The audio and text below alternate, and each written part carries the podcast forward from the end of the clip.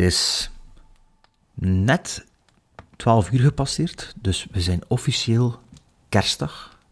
Ehm vrolijk kerstfeest, jongens. Een vrolijk kerstmis. Ja, we waren dus al enkele dagen gefrustreerd omdat we ja, wat de, de luisteraars de tijd niet kunnen geven die we wilden geven of konden geven. Dankzij jullie superveel reacties en eh, we waren ja, elkaar aan het whatsappen en zo. En eh, bleek ook dat we alle drie enorm gefrustreerd waren dat we dit jaar niet naar de kerstmis konden gaan. Dat is precies, is precies de, de, de, de common thing, common de- denominator. We zijn allemaal gefrustreerd. Ja, we zijn allemaal gefrustreerd. hè, dus we konden niet naar de... We zeiden tegen elkaar, het is toch jammer dat we dit jaar niet naar de kerstmis kunnen gaan, letterlijk. hè, de middernachtmis.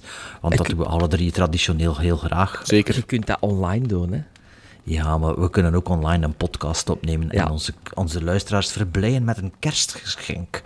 Dus eh, kijk, we dachten, we laten ons nog rap een bonusaflevering doen, waarbij we nog wat brieven aanhalen en bespreken. Ik ben 100% zeker dat we ze niet allemaal gaan kunnen doen. Ik heb ze allemaal in een Word-document opgelijst. Er zijn er 87. Dus, eh, eh, nee, sorry, niet 87. 87 pagina's. Pagina's. Maar, maar het zal niet veel schillen, ze. het zal niet veel schillen. Ehm, ja, ik heb ze gewoon een beetje random in een, in een document geplakt. En eh, we zien wel waar dat we geraken. Het is niet dat het niet behandeld zit, dat het niet interessant was. Maar het was gewoon weer te veel om ze allemaal, eh, om ze allemaal te behandelen, denk ik. Ehm, ja, normaal gezien, Maarten, moet jij er nog iets over vertellen? Maar ja, veel meer valt er niet over te vertellen. Hè. Eh, Dus, het, het, het- het was gewoon... Het is uit een dankbaarheid naar onze luisteraars en nog een digitaal cadeautje voor onder de kerstboom. Dat is het eigenlijk, Ja. hè. Voilà, voilà. En wij gaan er voor onze nachtrust laten, maar ja, anders zitten we toch in de kerk. Dus, eh, en morgen, morgen kunnen we dat wel uitslapen. Maar hoe gegeten vanavond? Een beetje te veel, gelijk als altijd, hè.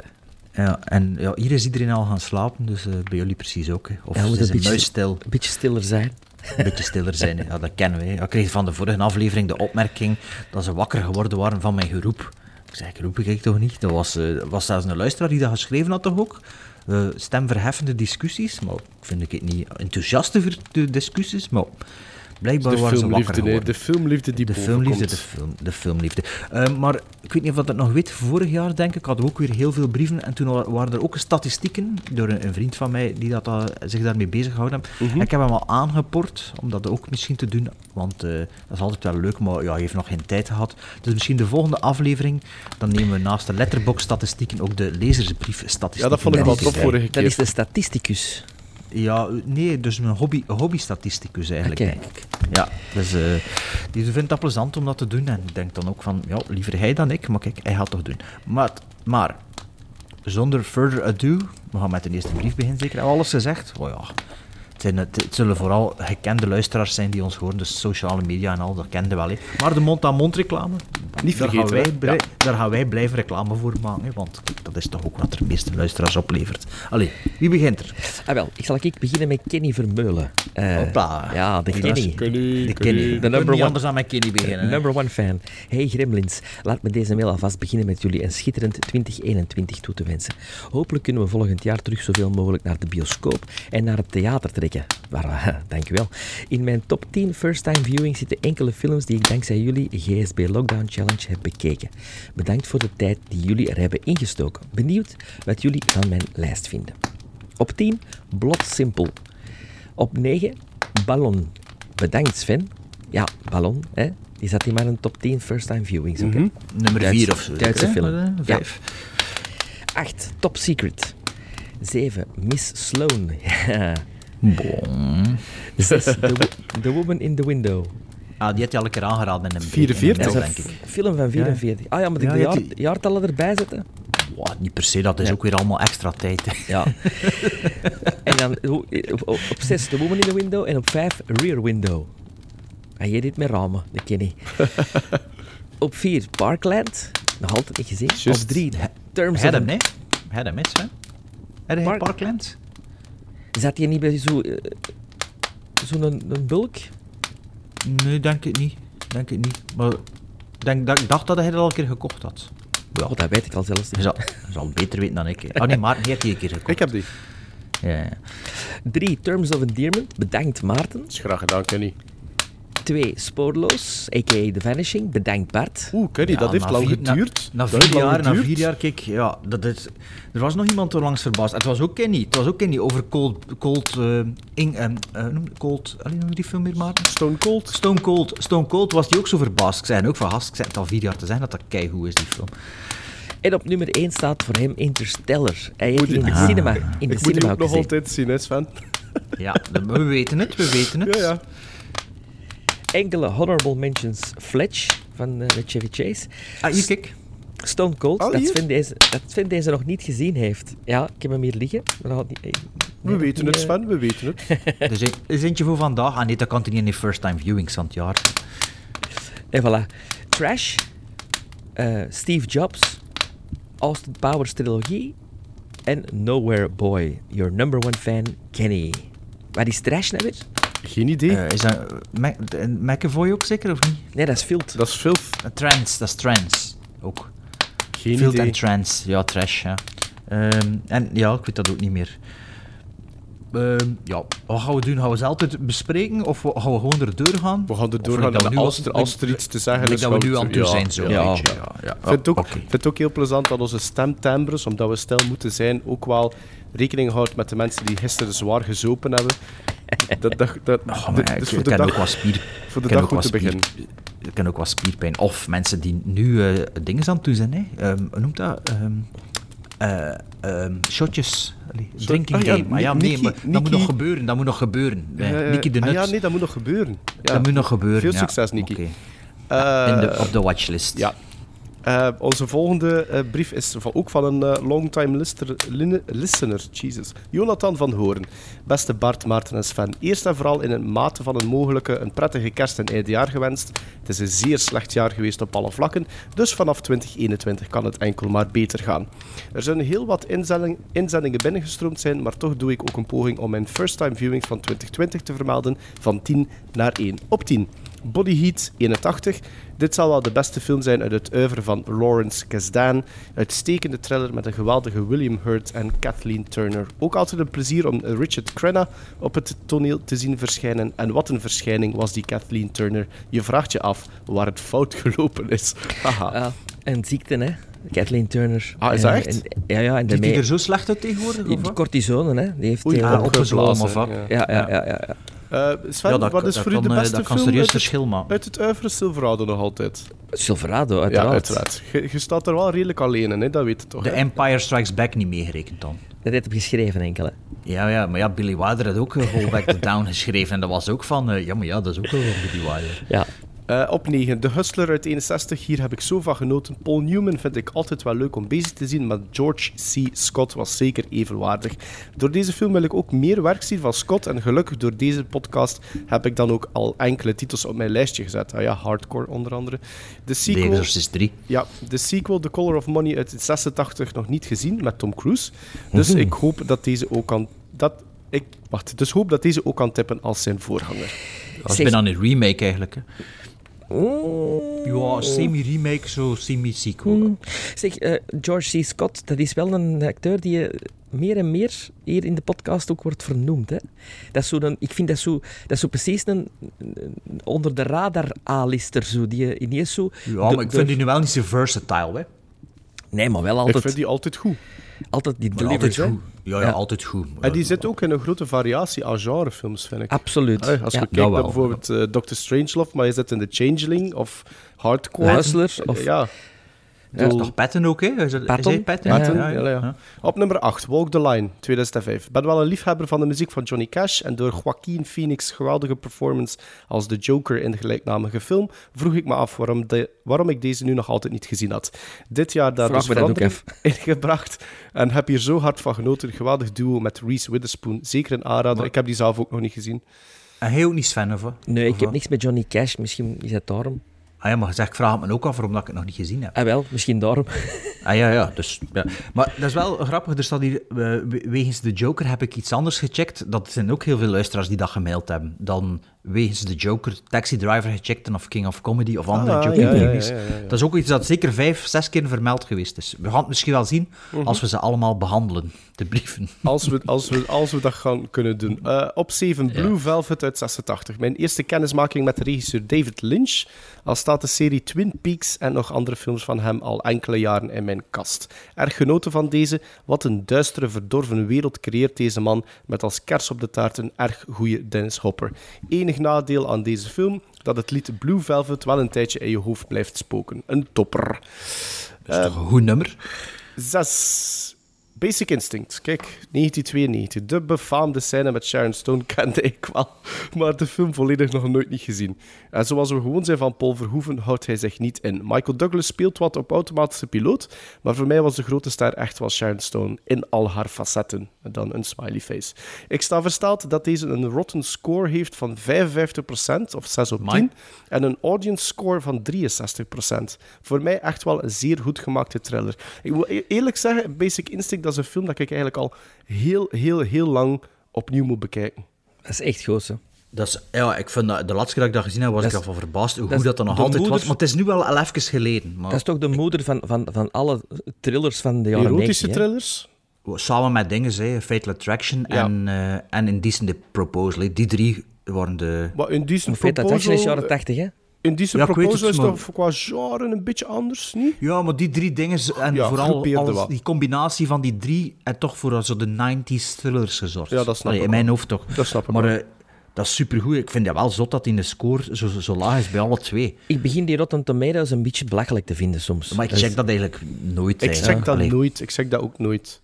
Alleen Eh, als we voor iets maar- voorbereiden. Maar Is Basic Instinct ondertussen niet een beetje een gedat... Allee, ik, eh, ik bedoel het niet slecht gedateerd, maar een beetje vergeten aan het worden? Of te veel popculture ook, door die scène? ja, ik weet het. Het zou kunnen. Ik, wil hem ik nu, ik, wil, ik wou hem inderdaad dit jaar ook nog een keer herbekijken. Of allee, het zal voor volgend jaar zijn. Hij ligt, ook wel op mijn. Shortlist, ja. Ja. Ehm, Oké, wacht hè, op 5. Rosemary's Baby uit 1968. Voor het eerst wat gezien van Roman Polanski. Dit is dus ook het jaar geweest waar ik voor het eerst kennis maakte met bekende regisseurs. Als ik me niet vergis, is het een van Maarten zijn favoriete films. Dat klopt, Jonathan. En ik kan hem geen ongelijk geven. Genoten van begin tot einde. Hoewel ik deze niet echt bestempel als een horrorfilm, toch kroop deze onder mijn huid. Deze film heeft echt een ongemakkelijke sfeer over zich heen. En hoe goed is Mia Farrow wel niet? Loved it. Ja, daar kan weinig. Ja, dat is gewoon waar. Eh, op 4 The Grapes of Wrath uit 40. Ik kan niet al het werk van John Ford even hard appreciëren, maar deze was echt wel een topper. Deze vooral hoog op de te bekijken stapel gelegd vanwege Henry Fonda, die ik fantastisch vond in 12 Angry Men, die een first-time viewing was in 2019. Ook hier speelt hij terug geweldig en ik wil echt wel meer werk zien van hem. Deze film verveelde me geen minuut. Ik denk dat een van de betere is, zo niet de beste kijk is van de grote depressie die op film gezet is. Dat heb jullie niet gezien, hè? Nee, Ja, Ik vond dat ook heel goed. Ik heb dat een paar jaar geleden, ik heb dat direct op Blu-ray gekocht daarna. Ik had dat gehuurd in de bibliotheek. En eh, sindsdien nog niet herbekeken. ik denk wel dat hij Maar- in de collectie zit, man. Dat is, dat is, echt, dat is echt een goede film. Dat is, dat is zo, het gevoel wel dat er literair werk is, want het einde Ja. is zo geen einde. Dat, dat, maar, hier, ik vind wel dat dat werkt en ik vond dat ook een heel, heel sterke film. Trouwens, 12 Angry Men, ik zal het af en toe een keer inpikken erop, hè, omdat dat we toch niet alle mails gaan kunnen doen, staat bij heel veel luisteraars in de top 3. En terecht. Ze zullen er dan, ja, dus, maar ik denk, omdat er zoveel oudere films dezelfde terugkomen, ik heb misschien de vorige aflevering al gezegd, dat dat op tv getoond is. Van die oudere films die heel veel terugkomen, die- waarvan ik weet dat ze niet per se... Misschien staat die op Netflix, hè. Maar ja, de, de- het zijn zo bepaalde films die altijd blijven Maar terugkomen. misschien is dat ook wel... Alleen misschien zijn wij daar ook misschien wel voor een klein deeltje voor Ja, maar verantwoordelijk. 12, 12 Angry Men hebben we bijvoorbeeld nog niet besproken. Jawel. hè. nee. hè? Nee?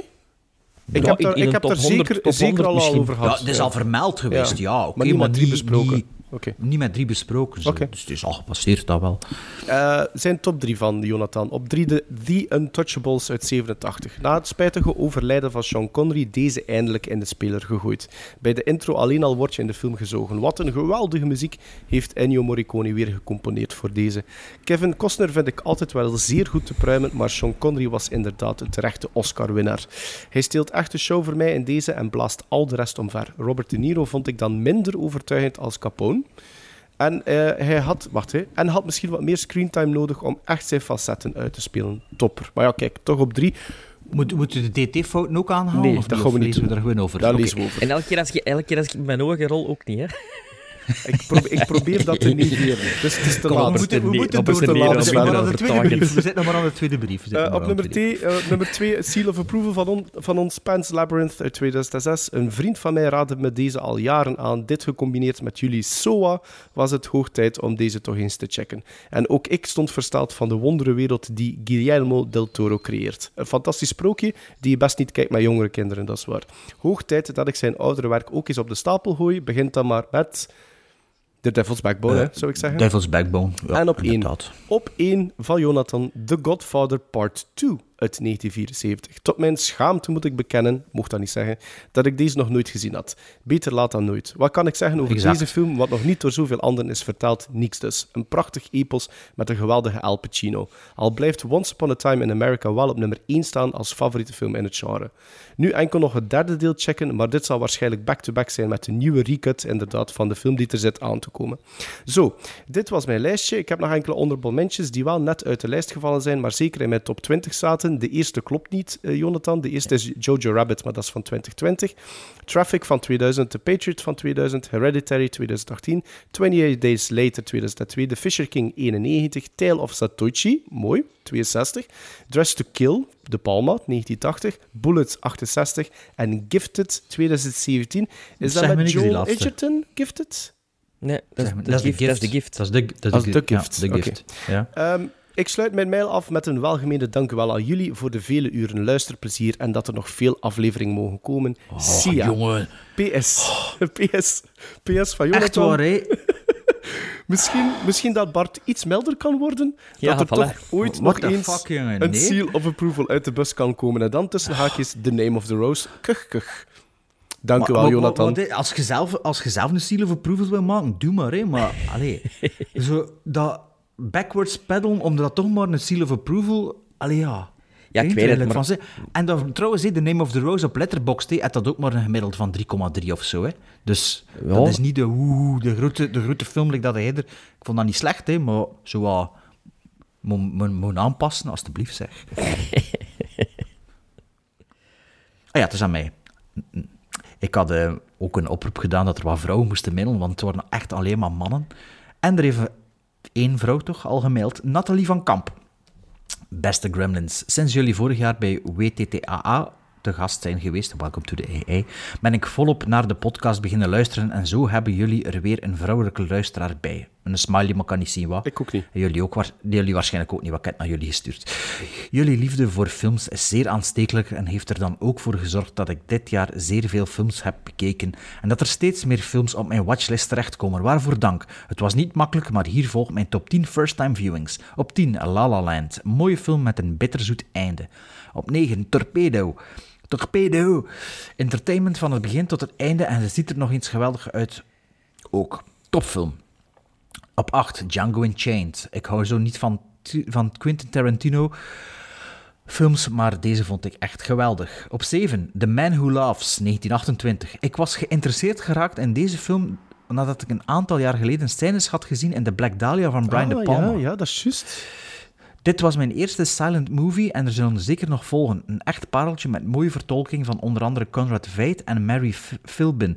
En ook eh, een favoriet van Maarten, dat Ah, ja. ze niet. Absoluut. Eh, back in aflevering de eerste 20 ergens, hè. Ah, dat is zal deze al film besproken door ons? Ja, ja. Ja, ja, denk een shout-out naar een vrouw die Conrad Veidt kent. Ja, Ik Of, of, of ontdekt heeft nu. een vrouw, want vrouwen kunnen dat niet kennen. Wat is dat nu? Ja, ik vind... Nee, ik... Allee, ik bedoel, Maar dat is... het is omdat we niet veel mails krijgen van vrouwelijke luisteraars. Is Ja, dat is- Ik is. dat heel straf. Ja, nee, ik vind dat Ja. straf. Vijf- Merry Christmas. Ik hè, ken niet veel vrouwen die Conrad Veidt kennen, ze. Dat kan ik die ook niet, jong. Ehm, maar, eh, dus, dus eh, Nathalie, wa- Nathalie was het zeker? Eh, Ja, Nathalie. Nathalie. Dus ja, we gaan back in onze backcatalog. Of kijk op onze letterboxd. En we hebben die besproken met drie, als je het, eh, als je het nog niet zou gehoord hebben. Op zes, The Godfather. Geen idee waarom ik deze film nooit eerder heb bekeken. Een terechte klassieker.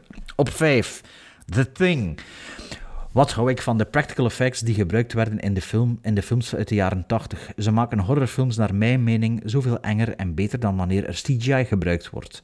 Op 4, The Breakfast Club. Dankzij de speciale Fokcast-aflevering rond deze film hier eindelijk naar gekeken en zeer blij dat ik dat gedaan heb. Sven, je wordt er ook bij bij die podcast? Of zat Ja. hij niet in, het panel? Jawel. 3. Marriage Story. Binnen de eerste vijf minuten al tranen en tegen het einde van de film nog meer.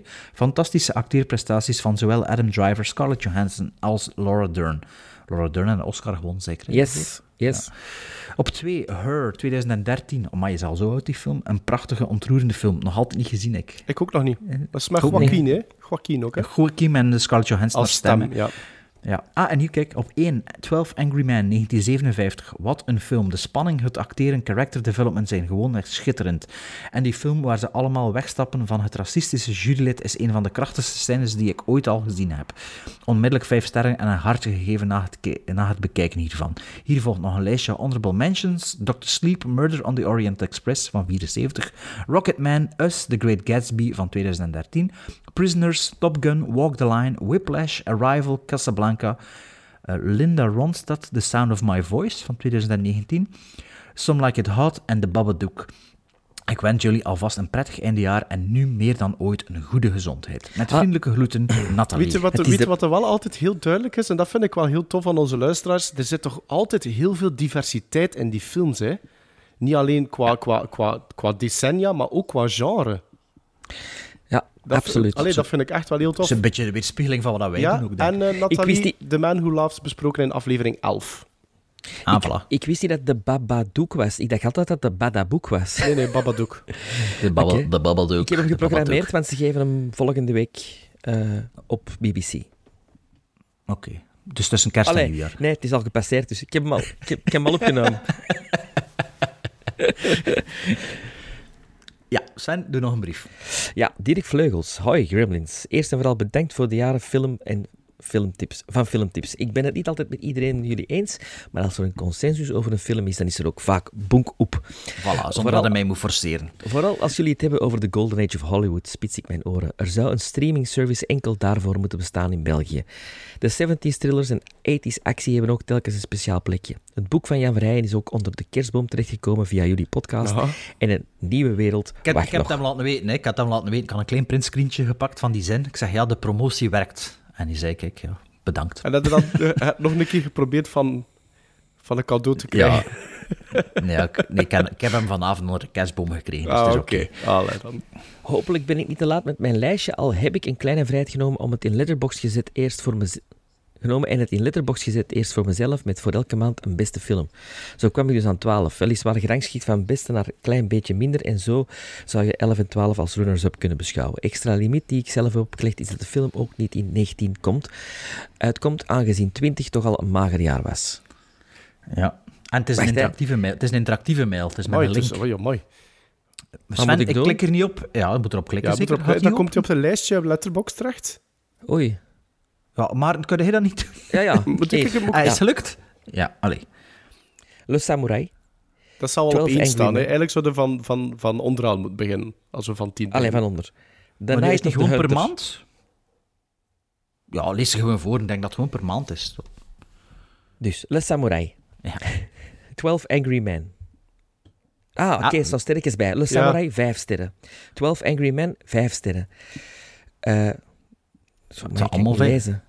Witness, of the, in the, Witness for, the for prosecution. The prosecution, 4,5. Prisoners, 4,5. Sorcerer, 4,5. King of Comedy, 4,5. Sunset Boulevard, 4,5. Double Indemnity, 4,5.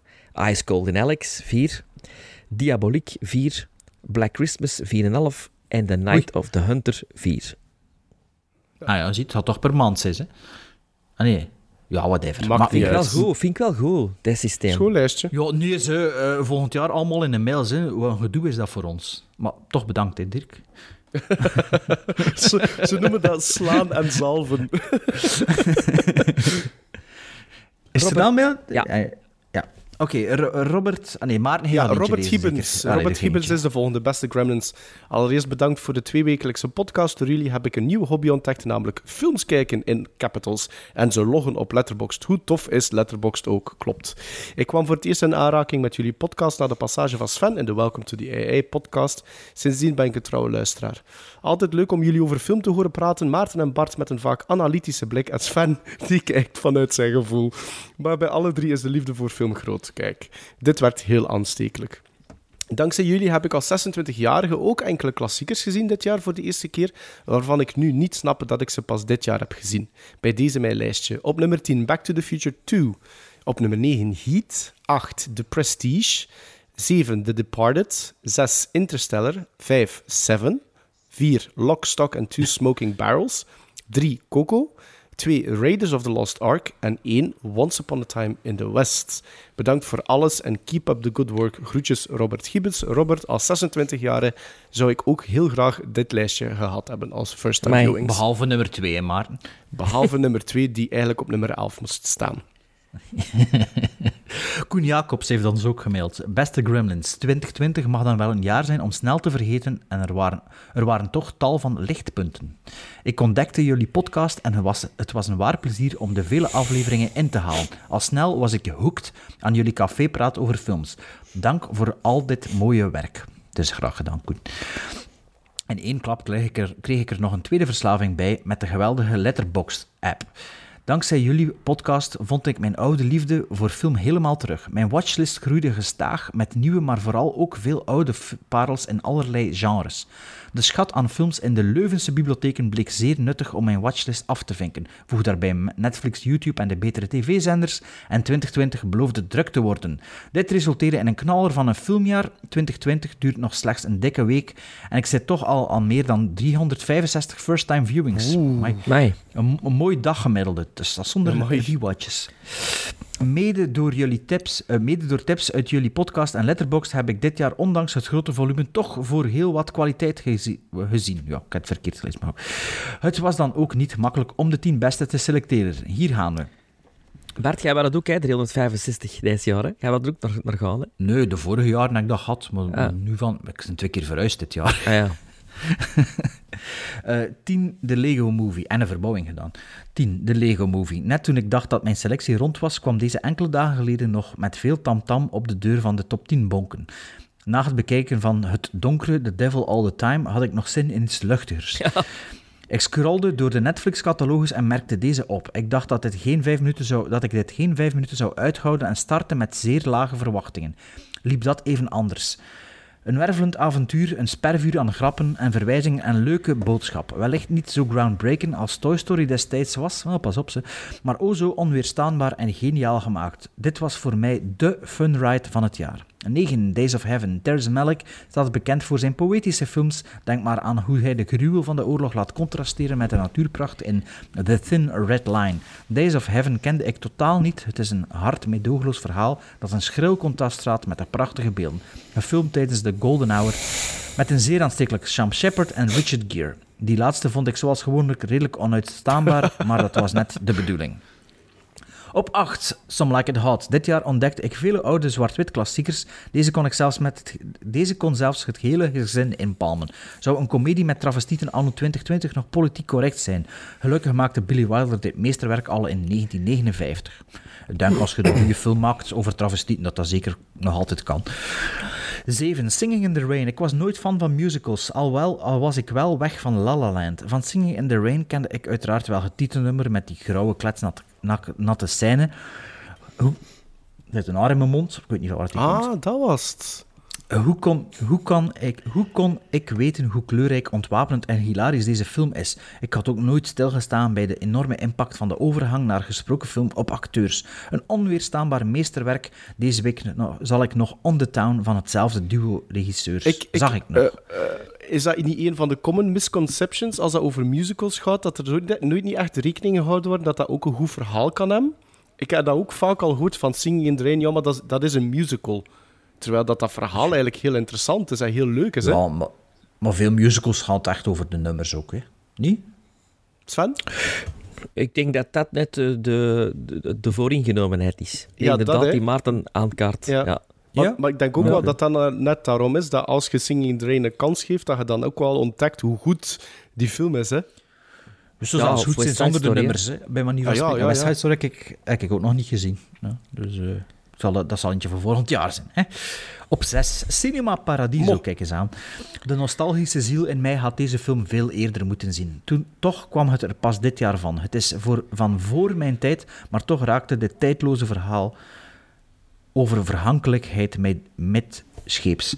Intussen is deze parel meer dan 30 jaar oud en helaas, zo maken ze ze niet meer. Op 5, Manon de Source. Oh, en, ook wel deel 1, Jean de Floret. Dus aanhalingstekens. Op aangeven van Sven keek ik in augustus naar Jean de Floret. Het verhaal speelde zich, speelde zich af in de prachtig, prachtige Zuid-Franse streek waar we enkele weken eerder nog met vakantie waren. Na afloop haalde ik nog dezelfde dag deel 2 Manon de Source in de bib. De tragiek van deze parabel over jaloezie en hebzucht sneed diepe wonden bij Yves Montand. En dan moest, moest de re- reveal nog komen. Bedankt Sven voor deze houden tip. Ja, je hebt Ja. al een paar keer vermeld. Dat is top. Is, toch, is dat met Depardieu, Depardieu ook, Ja. of niet? Ja, de eerste. Depardieu, dat, dat- ah ja, Jean de Floret, ja. Depardieu, dat is nu ook niet iemand die mij aanspreekt. Ik vind dat... Allee, jong. Cyrano de Bergerac, fantastisch. Beste Nee, Cyrano ooit. Eh, beter dan Roxanne? Ja. Oké. Op 4, Oldboy, de originele versie van Park Chan-wook, niet van eh, Spike Lee, de remake. Misschien is dat iets voor u, Sven, dus de remake eerst kijken. Eh, mede door Parasite kreeg ik meer zin om Aziatische films te bekijken. De originele Oldboy stond al lang op mijn watchlist. Ik stapte er blind in. Wat een rit. Ik zag de review. Eh. Ehm, ik heb dit jaar verschillende fantastische Aziatische regisseurs en films ontdekt. En dit was zonder twijfel de beste. Ik heb even de Ja, we, we gaan erover als er spoilers in staan. Hè? Ja. Ja. En dan to- de top 3. Wanneer je met lage verwachtingen naar een film begint te kijken, word je soms totaal verrast. Dat vind ik persoonlijk de mooiste filmervaring. Dat is zeker en vast zo. Op 3 Spirited Away. Netflix biedt een hele race aan Japanse animatiefilms aan. Maar waarom zou ik daar naar kijken? Omdat Maarten in aflevering 22 bijvoorbeeld Spirited Away tipte. Tadaa. Mijn 11-jarige dochter, nogthans doelpubliek, was niet geïnteresseerd. Ik weet niet of Ik weet niet of dat dat doelpubliek is, hoor. doelpubliek is van deze film, ik ook niet. Maar ik gaf het een kans in de Japanse versie en was al na enkele minuten helemaal mee in dit wervelend avontuur. Dit is wellicht de mooiste animatiefilm die ik ooit zag. 2. Call Me By Your Name. Sorry guys, ik weet dat jullie dit kut vonden. Ik ben de eerste die dat gezien heeft. Ja, het is. Ja, eh, ik vond het wel kut. Toch gaf ik dit een kans op een ochtend in juni. Verplichte kost toch. Door omstandigheden kon ik de film niet in één keer uitkijken, maar al na enkele uren nam ik een pauze om verder te kunnen kijken. De Italiaanse sfeer, cliché, ik weet het, de nostalgie naar kitscherige jaren 80 popmuziek, de slotscène van Timothée Chalamet, Chalamet. Het zijn enkele zaken... Het zijn maar enkele zaken die ervoor zorgen dat het een van mijn grootste verrassingen werd dit Oh, jaar. Jaren 80 muziek. Misschien moet ik het toch een kans geven. Maar het is vooral zomers, hè. Let op, ik vond dat niet zo heel slecht, zo, maar ik vond dat vooral veel poeha. Een beetje like met Portrait of a Girl on Fire. Dat ik zo dacht, ja... Maar ja, ik, zal, ik ben dom, hè. Weet het nog.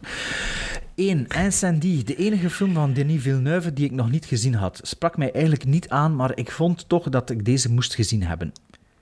Ik begon eraan op een maandagavond met twijfels en lichte tegenzin. Geen gemakkelijke zit, maar ruim twee uur later ble- bleef ik verbluft achter, totaal weggeblazen. Wat een stomp in de maag. De film is een aanklacht tegen de gruwel van eender welke oorlog. Eh, dat ga ik ook niet zeggen. Ik vermoed dat een tweede visie best wel zou kunnen tegenvallen, maar voor mij was dit de beste first-time viewing van 2020. Ik vraag me Ja, af waarom dat hij zegt dat, dat vraag me af waarom dat hij zegt dat een tweede visie zou kunnen tegenvallen dan. Ja, omdat het dan weet hoe dat verhaal in elkaar zit. En ik vond, ik vond dat niet zo goed. Hebben jullie dat hij gezien? volgt dat veel. nee, hij vond dat scenario niet goed, hè? Ja, ik vond dat het klassieke Villeneuve-probleem voor mij. Ja. Ik vond dat heel. Weet je wat het is? Er komen mensen elkaar toevallig tegen aan de andere kant van de wereld die eigenlijk van dezelfde, van, allee, die dezelfde achtergrond hebben. En dat is ook weer een beetje zoals in Prisoner, zoiets dat verhaal in gang steekt. Of, of ehm, er is iets mee, ik weet niet meer wat. Misschien is het nu ook een spoilers dat ik zeg, ik weet het niet meer. Maar dat. dat, dat allee, what are the odds? Het zo, ik vind Ja. dat, dat is geen scenario fout, hè, want dat kan. Allee, dat is niet dat dat verkeerd Maar geschreven het is. voelt wrang aan. Maar ik vind, het voelt vrij gekunsteld aan en een beetje ja, makkelijk geschreven. hè. Mhm. Dus dat, dat, is, want ik vond het ook wel een aangrijpende film, zo, maar ja, dat is een beetje wat dat me. Ja, Ik weet nog exact wat het probleem is, maar ik kan het niet zeggen. Maar als, we, als je het gezien hebt, zal het misschien wel snappen. En als eh, onze luisteraar hier afvraagt wat ik bedoel, moet hij maar een keer mailen. Ik weet niet of dat ik kan antwoorden, maar we zullen wel zien. Verder ook nog heel erg genoten van onder andere Paris, Texas, It Happened One Night en In the Heat of the Night. Worst, eh, worst first time viewings. Ja, Gaan we dat kom. doen? Eh, ja. nee, ja. Kijk, ik had anders al gelezen. Yesterday van Voilà. Danny Boyle, Mission to Mars en Korte Pijn. What, en de korte pijn van What Did Jack Do? Ja. Ik, heb dit jaar heel, ik ben dit jaar heel erg gulzig geweest. Dus wat betreft first time views wordt het moeilijker om nog beter te doen dan in, twin- in 2021. Daarom kijk ik rijkhalzend uit naar jullie nieuwe afleveringen en tips voor mijn watchlist. Bedankt en voor een veel beter 2021 Er gewerkt. staat nog bij. Mission, Mission to Mars, what the, what, the, what the fuck tussen okjes. Ja? Ja, ja, maar ik wou dat- er niet te veel aandacht aan Ah, geven. ja. Ik vind, ja, maar dat vind ik juist een geweldige film, daar merk ik zo. Ja, ik heb dat niet gezien, ja. Ehm, bedankt en veel, be- veel beter 2021 gewenst. Keep on striking back, Gremlins. Koen Jacobs. Lief Luipaars. Dag lieve gremlins. Bedankt voor alweer een jaar vol filmplezier. Voor de goede en minder goede filmtips en vooral voor het tweewekelijks corona-escapisme. Als het aan mij lag, kregen jullie meteen een standbeeld op de, de keizerlei. Anyway, ik zag op mijn Instagram een oproep passeren om het vrouwelijke deel van jullie fanbase aan te sporen. Bart. Ja, dat komt nu wel een beetje triestig over, maar dat was ook niet letterlijk wat ik gezegd had. Maar het was wel de bedoeling eigenlijk. Maar kijk, ja. aan te sporen ook een top 10 first-time viewings door te sturen. Dus bij deze. Maar voor ik van wal steek... Tweede vrouw. Maar voor ik van wal steek, eerst nog even meegeven dat ik eigenlijk niks van film ken. Ik ben intussen wel een trouwe luisteraar, maar ik geniet gewoon van jullie filmliefde en laat me dan meeslepen door jullie enthousiasme. Dat brengt me vandaag tot een top 10 die qua expertise en aanbevelingen dus eigenlijk nul de botten waard is voor echte kenners als jullie en jullie luisteraars. Haha. Wow, je zit te hard voor jezelf, hè, lief. Ja, en ik denk trouwens, is dat ook niet die dat ik je gemaild heeft in verband met de, de studio, met een screening of zo? Dus werkt die niet voor de, de studio of de cinema of zo? Ik denk dat dat... Ik denk het wel, ze. Ik geen idee, Oh, en daarbij, je ziet wat je gezien hebt, hè, en Ah ja, dat wil. Toch, toch niet zeggen dat dat minder waardig is. Dat is niet hoe dat wij eh, in Wij de zijn, wereld en in wij, wij, wij zijn hè. filmliefhebbers, hè. Wij zijn geen filmkenners, hè. Wij zijn filmliefhebbers. In de eerste plaats. jezelf, hè, man. Respect voor jezelf, hè, Maarten? Ja, voilà. Oh, maar ja, dan ben ik dan de filmliefhebber van de drie. Bon, dit gezegd zijnde, ik heb geen idee waar deze impulsieve top 10 toe zal leiden, maar gewapend met mijn halfslachtig bijgehouden letterboxd maak ik er het beste van. Here we go. Vind wel dat ze een leuke schrijfstijl heeft, dat moet ik wel zeggen. 10. Misery van Rob Reiner. Ik bekeek vroeger geen films waarvan ik het boek al gelezen had, omdat ik de verbeelding van films zelden zo sterk vond als mijn eigen fantasie. En omdat het soms ook gewoon leuk is om onverdedigbare principes te hebben. Maar dankzij de podcast en omdat ik de laatste jaren een stevige Stephen King revival beleef, bekijk ik nu eindelijk ook de verfilmingen. Ik was dan heel benieuwd naar Misery. De film loste de hooggespannen verwachting zeker in en kwam tegemoet aan de leuke herinneringen die ik nog heb aan het boek dat ik bijna twintig jaar geleden las. Strikt genomen zou de film misschien wel buiten mijn top 10 vallen, maar als eerbetoon aan The King duw ik hem er toch graag nog bij. 9. Nightcrawler. Dit jaar was Jake Gyllenhaal een van mijn ontdekkingen. In deze film weet je niet goed of je met, moet rooten voor Jake of net niet, want zijn personage houdt er wel een twijfelachtige job op na. En je voelt de problemen ook al vanaf het begin in de lucht hangen. Meeslepende en sfeervolle rit door de nachten van LA en ook een boeiende denkoefening voor iemand die al eens een opleiding journalistiek volgde en de macht van de media bestudeerde. Vandaar dat ze zo leuk schrijft, denk ik. 8. 28 Days Later. 28 Met- days later. Het is laat, hè? Het is laat, hè, 28 jongens, ja. Days Later. Met dank aan jullie eerste challenge. Tot voor kort zou ik zo'n apocalyptische film niet meteen een kans gegeven hebben, maar dat Peaky Blinder Killian Murphy de hoofdrol vertolkt, was toch een motiverende factor. Snelle beelden dreven de spanning op en ik heb mij in de loop van de film een aantal keren achter het vliesdekentje in mijn zetel verstopt, omdat het me too scary werd. De snelle montage schijnt deels te danken zijn aan het feit dat je Londen nu eenmaal niet voor lange shots ontruimd krijgt. En dat effect mist zeker zijn doel niet. De sequel, 28 Weeks Later, mag je gerust overslaan wat mij betreft. Je kan de gewone... Dat vind ik nu ook niet. Maar, oké. Ik heb geen een van het twee gezien. Je kan de gewone tijd dan gebruiken om naar een van mijn eerste seizoenen van Peaky Blinders te kijken, bijvoorbeeld. Het duurt al wat langer, hè. 7. Some Like It Hot. Twee muzikanten duiken onder in een orkest dat uitsluitend voor vrouwen, uit vrouwen bestaat. De muzikanten die zich vermommen als vrouwen die verliefd worden op de vrouwen van het orkest. Spoiler, spoiler, spoiler. Maar eh, de film voelt met de man-vrouw thema's nog altijd heel actueel en is daarom zeker een top 10 waardig, denk ik. En de verschijning van Marilyn Monroe is sowieso ook een top 10 materiaal. Zes, Awakenings. No way dat ik een top 10 zou maken zonder Robin Williams erin. Mijn first time viewing van Awakenings is alweer het resultaat van jullie challenge. De film is tegelijkertijd gevoelig en humoristisch, wat Williams voor een stuk typeerde. Ik herken een gelijkaardige dynamiek in zijn personages, zoals Patch Adams en Good Will Hunting. Ik prijs me dan ook gelukkig dat ik een groot deel van het oeuvre van Williams nog niet gezien heb en dus nog een aantal dingen te goed heb van hem. Wat kunnen jullie nog aanbevelen? Good Morning Vietnam. The Fisher King. One Hour Photo. Maar- Voilà, ze. Insomnia. Op 5. Labyrinth. Deze DVD viste ik ooit eens uit een 2 euro bak van de Lidl. Sorry Ook al, niet stiekje. ook al leken fantasy en creatures niet meteen iets voor mij, ik begon daar ook wat terughoudend te kijken, maar moest gaandeweg toegeven dat ik helemaal meegezogen werd in de toverwereld van de film. En in de pruik van David Bowie. Ik onthoud ook de geniaal goede soundtrack en heb de film meteen op mijn rewatch-lijstje gezet om samen met mijn nichtjes eens te bekijken. 4. The Fly van 86. Iets met een transformatie, een dikke strontvlieg en een goede Jeff Goldblum. en ook de eerste film waarin ik ineens het seksappeal van good old Jeff opmerkte. Het kan, hoe kan het dat ik nooit eerder dat zag?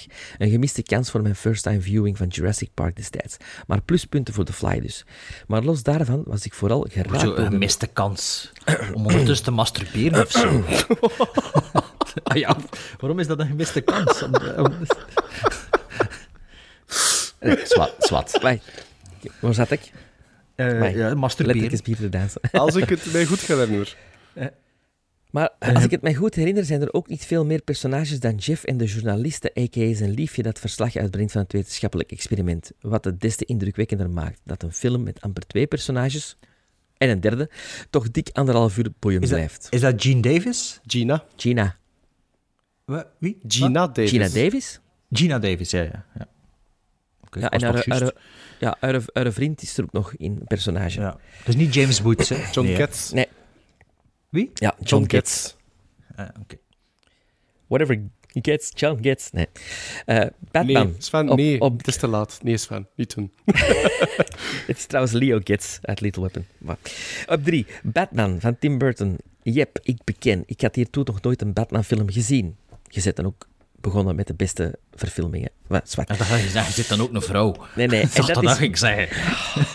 en dat is belangen niet het enige gat in mijn filmcultuur, maar laat ik daarover maar zwijgen. De mail is nu al veel te lang. Dat is waar. Maar dus, ik was zo'n grote fan van Joker vorig jaar dat de deur op een kier zette om Batman eindelijk te leren kennen. Beginnen met die van Tim Burton uit 89 leek me vanzelfsprekend. Stoere film en top soundtrack. Ik ontdekte ook de surplus van films wanneer je gelijkenissen, verschillen en referenties naar andere films opmerkt. Want na Joker wezen jullie mij de weg naar Taxi Driver en King of Comedy. En na Batman kocht ik direct ook de Dark Knight trilogie. Ja, die podcast van jullie kost me wel flink wat geld, maar nu de culturele sector zo goed als op zijn gat ligt, kan ik het uitgespaard budget voor theater- en concerttickets evengoed aan die arme sukkelaars in Hollywood geven. Op twee, The Invisible Man, de versie van 33 van Oh. James Whale. Jullie Had je die ook gezien, Sven? Of niet? Hebben we die besproken? Ja. Ja. Oké. Jullie enthousiasme over deze film en mijn nieuwsgierigheid naar hoe zouden special effects er in de jaren 30 uitzien, leidden me naar The Invisible Man uit 33. Wat een plezier. En het is natuurlijk ook een manier om stiekem even die Invisible Man van 2020 met de geniale Elisabeth Moss aan te prijzen. Een iets wat ander verhaal rond een onzichtbare figuur, maar super spannend en met een aantal straffe shots. On top of that is het ook een leuke zoektocht naar de Easter eggs die refereren aan de film uit 33. En hoe graaf is Elizabeth? Ik ben fan sinds The Handmaid's Tale en als ik dan toch een puntje van kritiek mag geven op de podcast is dat jullie, Bart, Elizabeth Moss nooit meer lelijk mogen noemen. Ze is lelijk. Ik vind dat niet, hè Bart? En dat weet ik, maar ik vind ze lelijk. Ja. Lelijk naar Hollywood-normen heet naturel in onze gewone mensenwereld. Wow, Toch? Een gewone mensenwereld heeft ook schone en lelijke mensen. Nee. En in het echte leven zou ik Elisabeth Moss ook lelijk vinden. Ik vind Dus het is niet omdat ze in Hollywood zit, maar dat is, als ze naast in de straat zou lopen, zou ik ze ook lelijk vinden. Het is wel een atypische Hollywood-actrice, vind ik wel. Ja, ja, omdat ze lelijk is. Ik vind de ontdekking van steractrices met doorsnee looks als een Elisabeth Moss in ieder geval een verademing voor de filmwereld, waar de meeste leading ladies toch nog altijd dicht bij het plastieke Barbie-pop schoonheidsideaal moeten aanleuden. Leven Elisabeth, leven de schoonheid. Het, Maar eh, dat is nu wel heel zwart-wit, hè? Nee, nee, nee. Want het plastieke Barbie-pop schoonheidsideaal bestond, bestond niet in de jaren 40, vind ik. Als je die films eens zien, dat zijn echt schoon vrouwen. Die Ah, ja? maken ze niet meer. Ja, maar ja, voilà. Maar ja, ze zeggen nu, oftewel, of, ze, eigenlijk zegt ze nu, om- omdat ik Elisabeth Moss lelijk vind, dat voor mijn schoonheidsideaal een plastieke Barbiepop is. Dat is ook niet, hè? Dat wil ik zeggen. Maar Elisabeth Moss vind ik wel lelijk. Je hebt uw punt gemaakt, denk ik, Bart. Was dat ook met shotjes? Was dat ook elke keer dat ik dat zeg, een shotje? Dan, eh, dan, dan stopt eh, voor die persoon de aflevering nu al, denk ik. Allee, ga maar door. Met, na, één. na- naar een schone vrouw nu? Op één, Rear Window van Alfred Hitchcock. Ik zag dit jaar ook het fantastische Rear Window van Hitchcock, maar eerlijk gezegd was dat al de tweede keer dat die film en ik elkaar troffen. Oei, ja. Wacht, lees verder. Oei, oei, Echter, door omstandigheden, namelijk studentenleven, heb ik me destijds door mijn eerste zit heen geslepen en daarom vind ik Rear Geslapen. Window... Geslapen. Ah, geslapen. En daarom vind ik dat de Rear Window, die ik dit jaar zag, toch een verdedigbare first-time viewing. Absoluut. Wat een leuke, grappige en spannende film. Een moord en de zoektocht naar de dader lijken in eerste instantie niet bepaald een origineel verhaal, maar het standpunt van deze film is dat zeker wel. En leuk voor mezelf was voor een stukje ook de herkenbaarheid. Ik heb een paar jaar in een appartement gewoond met zicht op een plein en ik betrapte me er ook dikwijls op dat ik stond te kijken naar alles wat op het plein gebeurde. Gaande van kindjes die er leerden fietsen tot kerels die stiekem achter een muurtje hun broek afstaken om er een kastje te leggen. Dat is Mechelsplein. dat, is hier allemaal, dat, dat is het Mechelsplein in Antwerpen, dat kan niet Dat is niet waar wij een standbeeld verdienen. Nee, nee, dat is niet daar. Ik zag het allemaal passeren op mijn plein, maar voor zover ik weet werd er niemand vermoord. Ik zou het bijna jammer vinden als ik zie wat voor een goed verhaal je daarvan kan maken. Voilà. Zo ziet mijn top 10 er min of meer uit. Nogmaals, merci voor jullie enthousiasme en ik wens jullie een fijn eindejaar tot hoors in 2021. Warme groeten uit Antwerpen, zie je het, Mechelsplein. Lief. Het is heel lief van dat, dat ze zo hey, lang die- in haar die- pen gekropen heeft. Dat was een mooie mail. Jongens, Dus Hey, is de een beginnen al te dansen, mannen. Ja, oké. Laat, laat ons dan vooral de korte mails proberen ervan tussen te vissen. Dan, Allee, we gaan dan- Het, was- het, is, het is mooi, maar het is allemaal mooi geschreven. Het is daarom dat... En we willen ja, iedereen bedanken, Misschien moeten we een boek, een boek uitbrengen. Ja, een boek. Alle, alle e-mails los. Ja, maar ik vind het top 10, maar die uitleg erbij. Ja, maar ik, weet, maar ik snap het. Mensen zijn toch bezig. Ik, Ja, ja. ik, ik zou dat ook kunnen voor Pas hebben. op, het is, allee, als je kijkt hoe- hoeveel tijd dat de mensen erin gestoken hebben voor dat allemaal Ja, dat is te fantastisch. Voilà, het is daarom dat ik dat zo jammer vind voor dat, voor dat gewoon te. Eigenlijk moeten in de toekomst moeten we erbij zeggen of dat we het mogen publiceren als printscreens op onze sociale media. Dan weten we Ah, dat als dat is voor misschien wel een goed jaar. idee. Dat kunnen mensen meelezen. Maar ja, nu ga ik dat niet allemaal nog gaan doen. Hè. Maar als we dat voor volgend jaar, we nemen het mee. We nemen het mee. We gaan Oké, maar lees er geen nog een keer Ja, de volgende van Niels de Schutter. Beste Gremlins. 2020 was op vele vlakken een snertjaar door corona, maar een van de positieve effecten is dat ik wel heel veel films heb kunnen zien. Dankzij Letterboxd weet ik dat er 205 zijn op het moment van schrijven van deze e-mail, wat voor mij zonder twijfel een record is. Ik heb daarbij enorm veel inspiratie gehaald uit jullie fantastische podcasts en natuurlijk uit de Corona Movie Challenge en of Lockdown 2.0 Challenge, waarvoor uiteraard duizendmaal dank. Ik geef dan ook graag gehoor aan jullie oproep om een top 10 first-time viewings in te zenden. Here goes.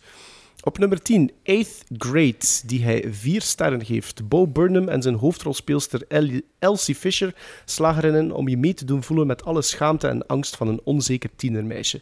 En ze doen dat met gevoel voor humor. Op 9, Haas Van, The Greatest Showman uit 2017, ook vier sterren.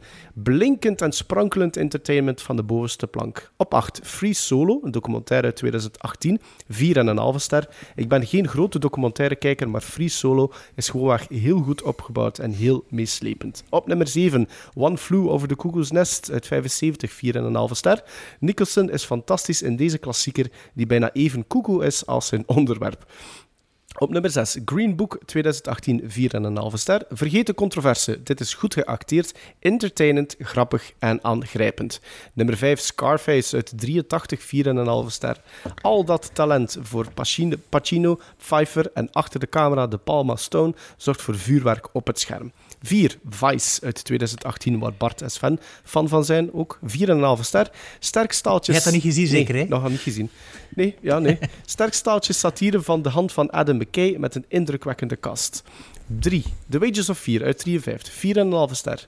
Eén van jullie SOA's, en ik begrijp nu waarom, alles van de personages tot hun missie en de problemen die ze moeten overkomen is intrigerend. Ik denk niet dat ik ooit al eerder zoiets gezien heb. 2. De tweede keer dat deze film ehm, voorvalt. Op nummer 2, Incendie. Waarschijnlijk op 2010. tv geweest. 4,5 ster. Villeneuve is op korte tijd uitgegroeid tot een van mijn favoriete regisseurs. Incendie is visueel sterk, straf geacteerd en sommige scènes staan op mijn netvlies gebrand. En op 1 uit 57 met 5 sterren, 12 Angry Men. Mijn eerste kennismaking met het oeuvre van Sidney Lumet heeft me redelijk hard omver geblazen. Simpel qua opzet, maar gewoonweg briljant. Ik heb uiteraard nog heel wat meer films voor de allereerste keer gezien, dus ik wil toch nog wat honorable mentions vermelden. 1. Eh, of ja, nee.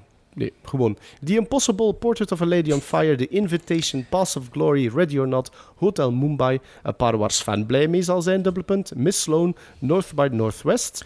En twee Koreaanse films. Oldboy, gezien in het kader van de Lockdown Challenge als film die Sven niet goed zou vinden.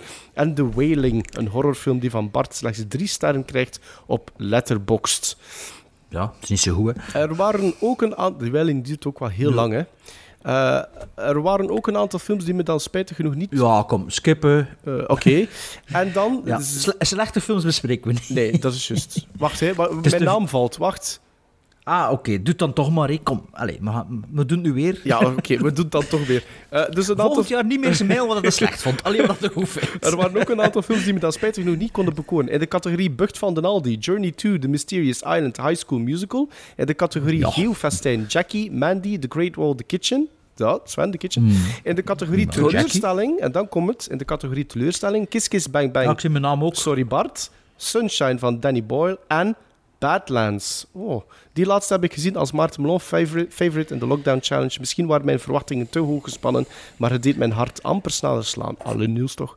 Ik kijk uit naar jullie eindejaarslijstjes en die van de andere luisteraars. En voor 2021 hoop ik vooral terug wat meer in het cinema te kunnen, cinemazaal te kunnen zitten, want ik heb niks tegen streaming, in tegendeel, maar ik mis in het vet en capitals de cinema zo hard.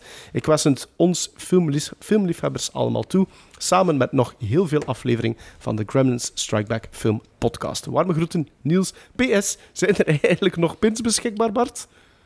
Ja, je hebt, je hebt er al, je hebt ze al gekregen Ah, waarschijnlijk oké, ondertussen.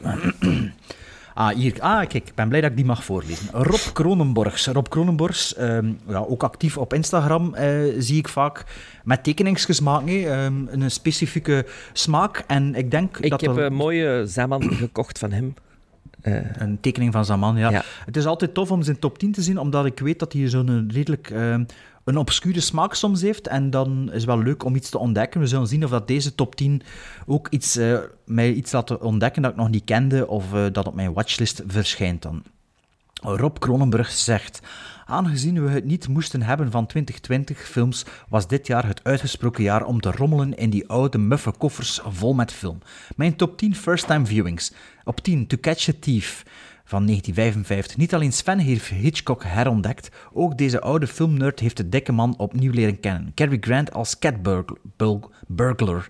Op 9 Bewitched van 1981. Chinese film met over zwarte magie. Zo zot en vies heb je cinema nog nooit gezien. Kijk, dat zijn dus de Rob Cronenbergs Ja. dat ik wil zien Ja. verschijnen hè, in de top Vintage, 10. vintage. Rob Kronenbors. Ja, ja. maar daarom moet hij zijn top 10, als hij volgend jaar instuurt, hem niet aanpassen. Hè. Maar dat zijn dus de ontdekkingen voor mij. Hier, kijk, nog zo eentje. Op 8, Sudden Fear van 1952. Wit-zwart suspense op zijn beste met een jonge, lelijke Jack Palance. Nooit Jack Palance lelijk. Eh, die graag snuift aan oudere pruim Joan Crawford. En wacht. Lelijke Jack Palance die graag snuift aan oudere pruim Joan Crawford. Traag en goed zoals de oude dametjes het graag hebben. Op 7, Manchester by the Sea, 2016. Een bijna weenfilm voor mij. Miserie en een bijna traan. Ja, bij mij was dat Ah, toch niet op bijna? 6.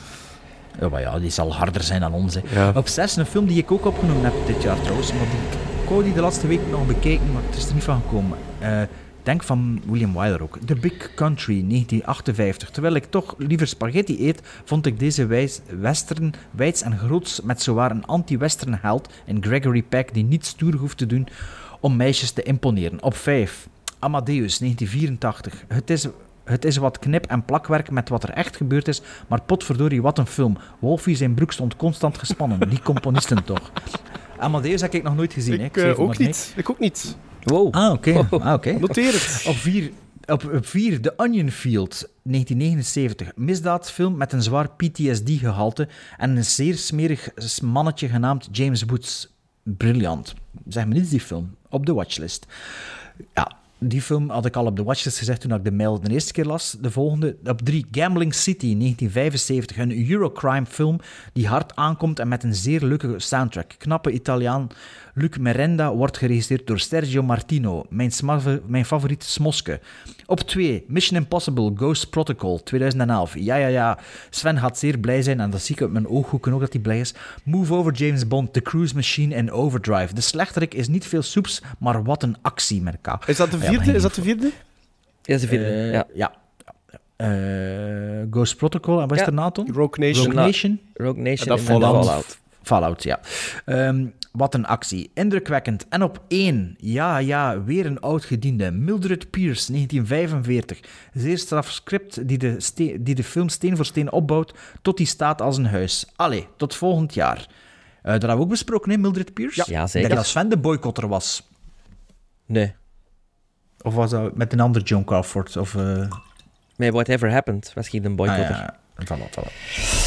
Lawrence, Lawrence Steunen, beste gremlins. Uiteraard ben ik grote fan van jullie podcast. Ik ontdekte de podcast na jullie eerste passage bij Welcome to the AA en ben sindsdien fervente luisteraar. Buiten dat jullie podcast een klein geluksje om de twee weken voor mij is, heb ik dit jaar ook de eer gehad om als luisteraar op jullie Instagram stories te verschijnen nadat ik Bart ben tegengekomen in Lier. Dat is misschien Ah, ja, een dat kleinigheid. restaurant, was dat Sorry, ik kreeg juist, hij? kreeg, kreeg juist een telefoon. Ik, wa- ik, ik was niet aan het luisteren, sorry. Allee, Dat is eh, misschien een kleinigheid, maar het zijn kleinigheden zoals deze die dit klootjaar toch wat leuker hebben gemaakt voor mij. Dus je zit hem tegengekomen, Ja, sorry, ik heb die mail denk ik copy-paste, maar ik heb hem niet gelezen, want nu val ik echt wel uit de lucht. Allee, ik weet wel nog dat we die tegenkomen zijn, hè, daar niet van. Ja, ja, ja. Natuurlijk ben hebben, films, natuurlijk hebben films ook een grote rol gespeeld in mijn coronajaar. Op 3 februari besliste ik ook om Letterboxd te gaan gebruiken. Nu op 8 december staat mijn teller op 215 films. Jesus.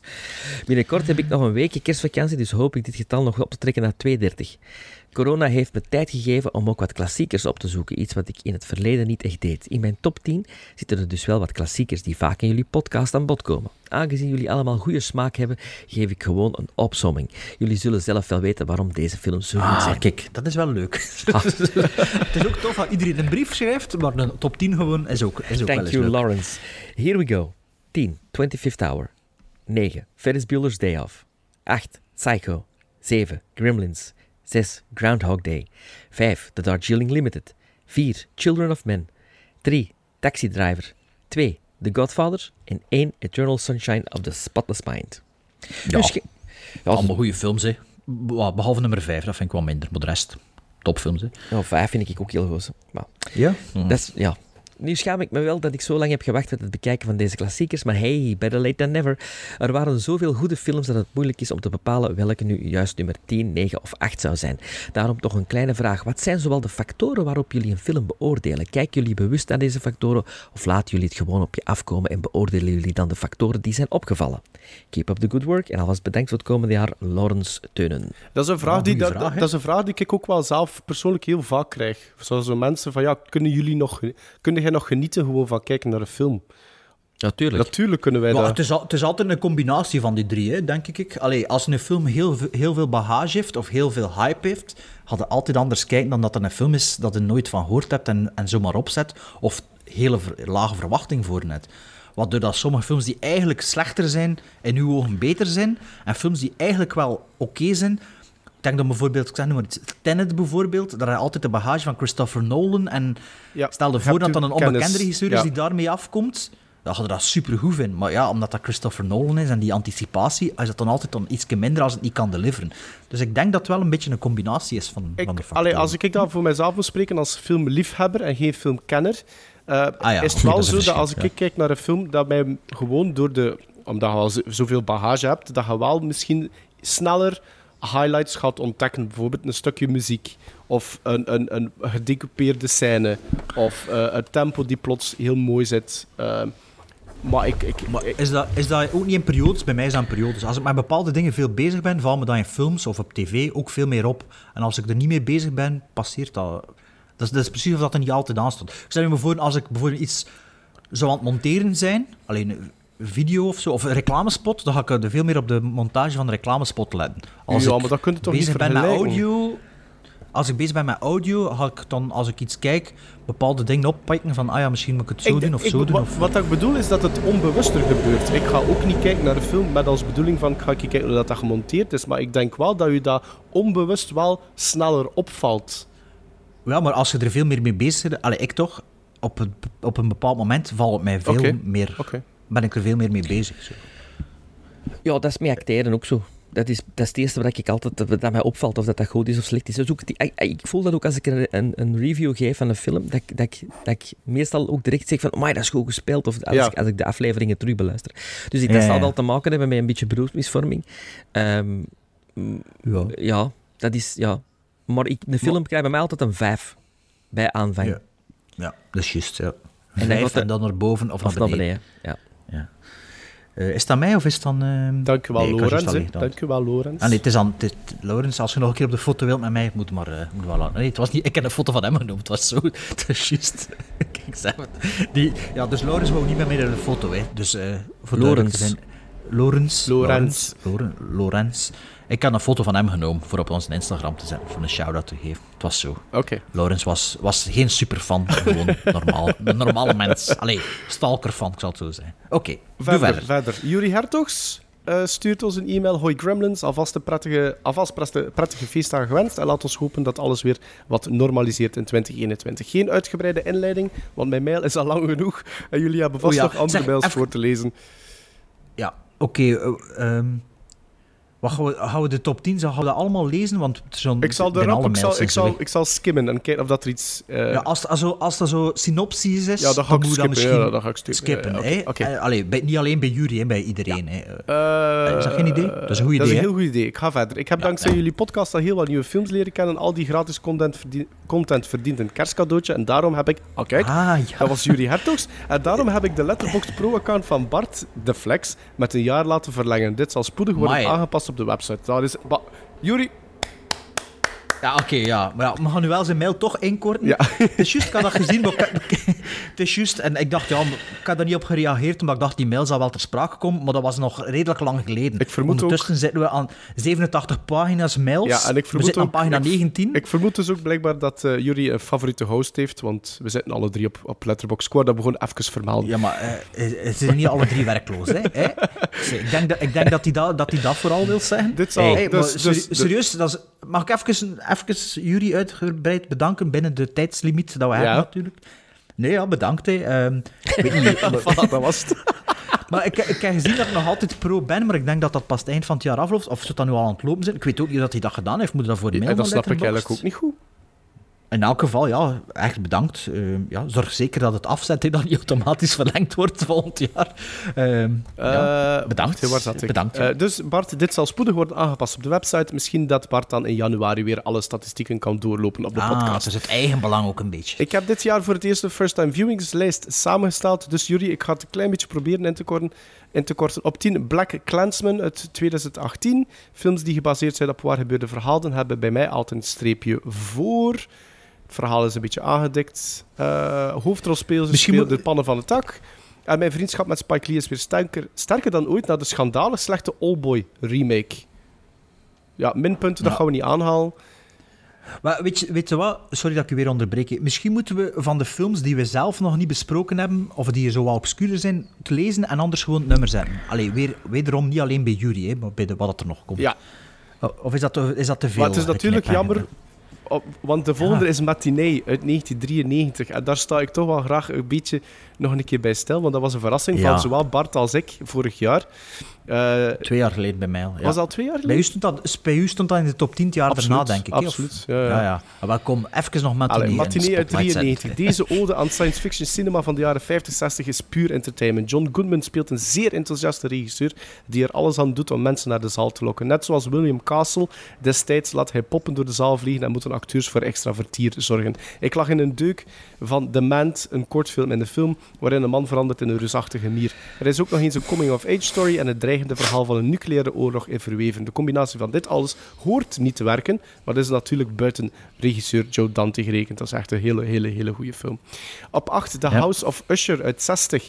Ik heb dit jaar de Six Gothic Tales boxset gekocht van Arrow. House of Usher was voor mij de sterkste film van het geheel. Het is gebaseerd op een kort verhaal van Edgar Allan Poe en vertelt over de onderga- ondergang van een vervloekte familie, waarin elk familielid vroegtijdig komt te sterven of ernstig ziek is. Het is vooral Vincent Price die me wist te charmeren. Hij speelt tel- telkens erg theatraal en groots en dat pas- past perfect in deze gotische setting, waarin de acteurs het nogal kleine verhaal moeten dragen. Sindsdien heb ik heel de boxset bekeken en Vincent Price is voor mij een enorm, enorm ondergewaardeerde acteur, wat dat wij eigenlijk ook wel gezegd hebben toen dat we Dragon Ja. Week en zo aan het bespreken waren. Hè? Ja, ik denk als ik zo de meest bekeken regisseur, eh, acteur zal zien op Letterboxd op het einde van het jaar, dat misschien Zit wel ertussen? Vincent Price zou kunnen zijn. Ik weet het niet, ik, kan Ja. nog, ik wacht het af. Hè. Ik, wil het nog niet, ik wil het nog niet spoilen voor mezelf, maar het zou wel kunnen dat hij... We hebben toch wel wat films van hem bekeken. Ach, wel, het is nu wel eventjes geleden. Ja, misschien is er zo'n karakteracteur dat ik al veel meer gezien heb. is dat, dat die in al die films zit. Zo Dick Miller of zoiets, eh, weet ik veel. Op nummer 7 staat Hereditary uit 2018. Een film dat hij veel te lang heeft uitgesteld, omdat hij vaak te horen kreeg dat de film te traag is, dat er niks interessants in gebeurt. Bart en Sven waren ook niet onder de indruk- eh, indruk. Ik had natuurlijk moeten luisteren naar Maarten, die net zoals ik helemaal gek is van horror. Dit is niet het soort film dat je met jumpsca- jumpscares en harde actie naar de horror brengt. De miserie van de Graham family wordt traag opgebouwd, maar eens de bal aan het rollen is, liet de film me niet meer los. Vooral onder de indruk van Tony Collette, inderdaad, die er een waanzinnig sterke prestatie, jawel Sven, neerzet. Dit had voor mij toch een Oscar- Oscar-nominatie verdiend. Dubbel en dik zelfs, zeg ik. Sven, hij boycotter. Ja.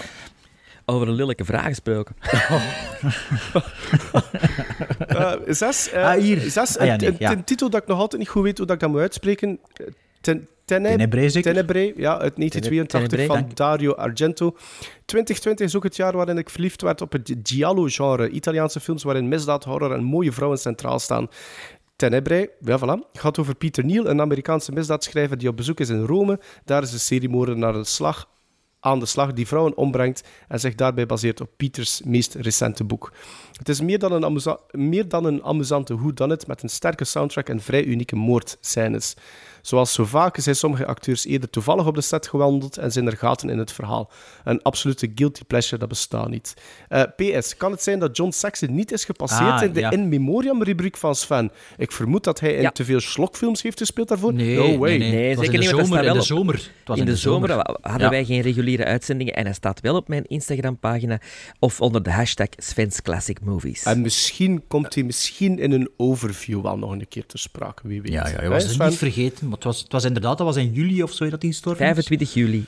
Juli? Ja, mijn, mijn zus daar 25 verja- juli. Mijn zus haar verjaardag, kijk. Eh, op vijf een all-time favorite van ons alle drie. Daar gaan we rap over gaan. The Burbs. Adjudante. The Burbs uit 89, inderdaad, van, Tom, eh, van Joe, Joe Dante. Eh, wat kan ik erover zeggen als ik even kijk? Hij kwam niet Doe meer bij van het vier, lachen. Voilà, hij kwam niet meer bij van het lachen door de toenemende paranoia van de knoeiende hoofdfiguren. Graag zou ik Tom Hanks op wat later leeftijd eens een terugkeer willen zien maken naar de luchtige comedies waarmee hij Och. bekend is geworden. Ja, Ik ook. ja. Alhoewel, soms doet hij wel nog luchtiger dingen, hè. Wat is Lang al lang geleden. geleden? Dat is lang geleden, hè? Wat- Ja, wat- Catch wat Me was die film? Denk je misschien, maar dat is 15, 16 jaar geleden. Nee, nee, wat is die film met Tom Hanks en Julia Roberts? Dat, hij, dat zij de leerkracht is en hij de student. Dat is Oh, toch- verschrikkelijk slechte film. ik, vond dat niet, ik vond dat niet slecht. Ik vond dat niet slecht. Op nummer Met dat 4. Ja, inderdaad. Ah ja, ehm, eh, The King, iets met King. Ik weet het niet. Eh, Ik vond dat niet slecht. ja, Ik- met dat... Nee, eh, met, een, met een naam. Met een naam en een voornaam. Juist. Larry Crow. La- Larry, Larry Crow? Larry Crow. Larry Ja, Crown. Larry Cr- ja. Zoiets. Hij ziet met een kroon, met een koning. met een...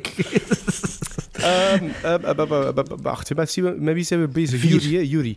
Jury gaat van, eh, even kijken, Jury gaat van 89 naar 1920 voor The Cabinet of Dr. Caligari. Een niet wat bizarre film waarin een man vertelt over zijn verloofde en hun belevenissen met de verschrikkelijke Dr. Caligari en zijn somnambulist, sorry Bart, César.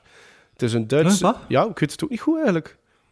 Ah, Sorry omdat- Bart, ik, ik was niet aan het opletten, sorry. Misschien omdat Bart dat moest voorlezen. Ja, omdat hij dacht dat Ah. Bart misschien ging Maar ik, lezen. ik weet, of omdat Bart zich dom voelt dat hij niet weet wat dat wil zeggen. Ik weet dat ook niet. Ah ja, oké. Maar Ik weet, ook, ik weet niet, maar ik heb het wel goed gelezen. Het is een Duitse expressionistische film waarin het decor de show Wow, steelt. wow, wow, wow. Er past hier een woord en we weten alle drie niet wat het wil zeggen. opzoeken, ik kon het? Ja, opzoeken. somnambulist. Voilà, ik ja, lees zoek verder. dat maar op. Het is moeilijk Ja, voor een we stomme film om mijn aandacht te trekken in een tijdperk van geluid, 3D en breedbeeld, maar het vreemde verhaal wist mijn nieuwsgierigheid toch op te wekken.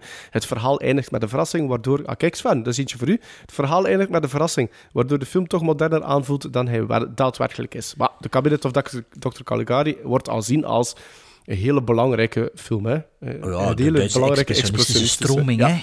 Maarten, je zit er een Een liefhebber van, hè, van die film? Ja, is absoluut. een, slaap, is een is- slaapwandelaar. Ah.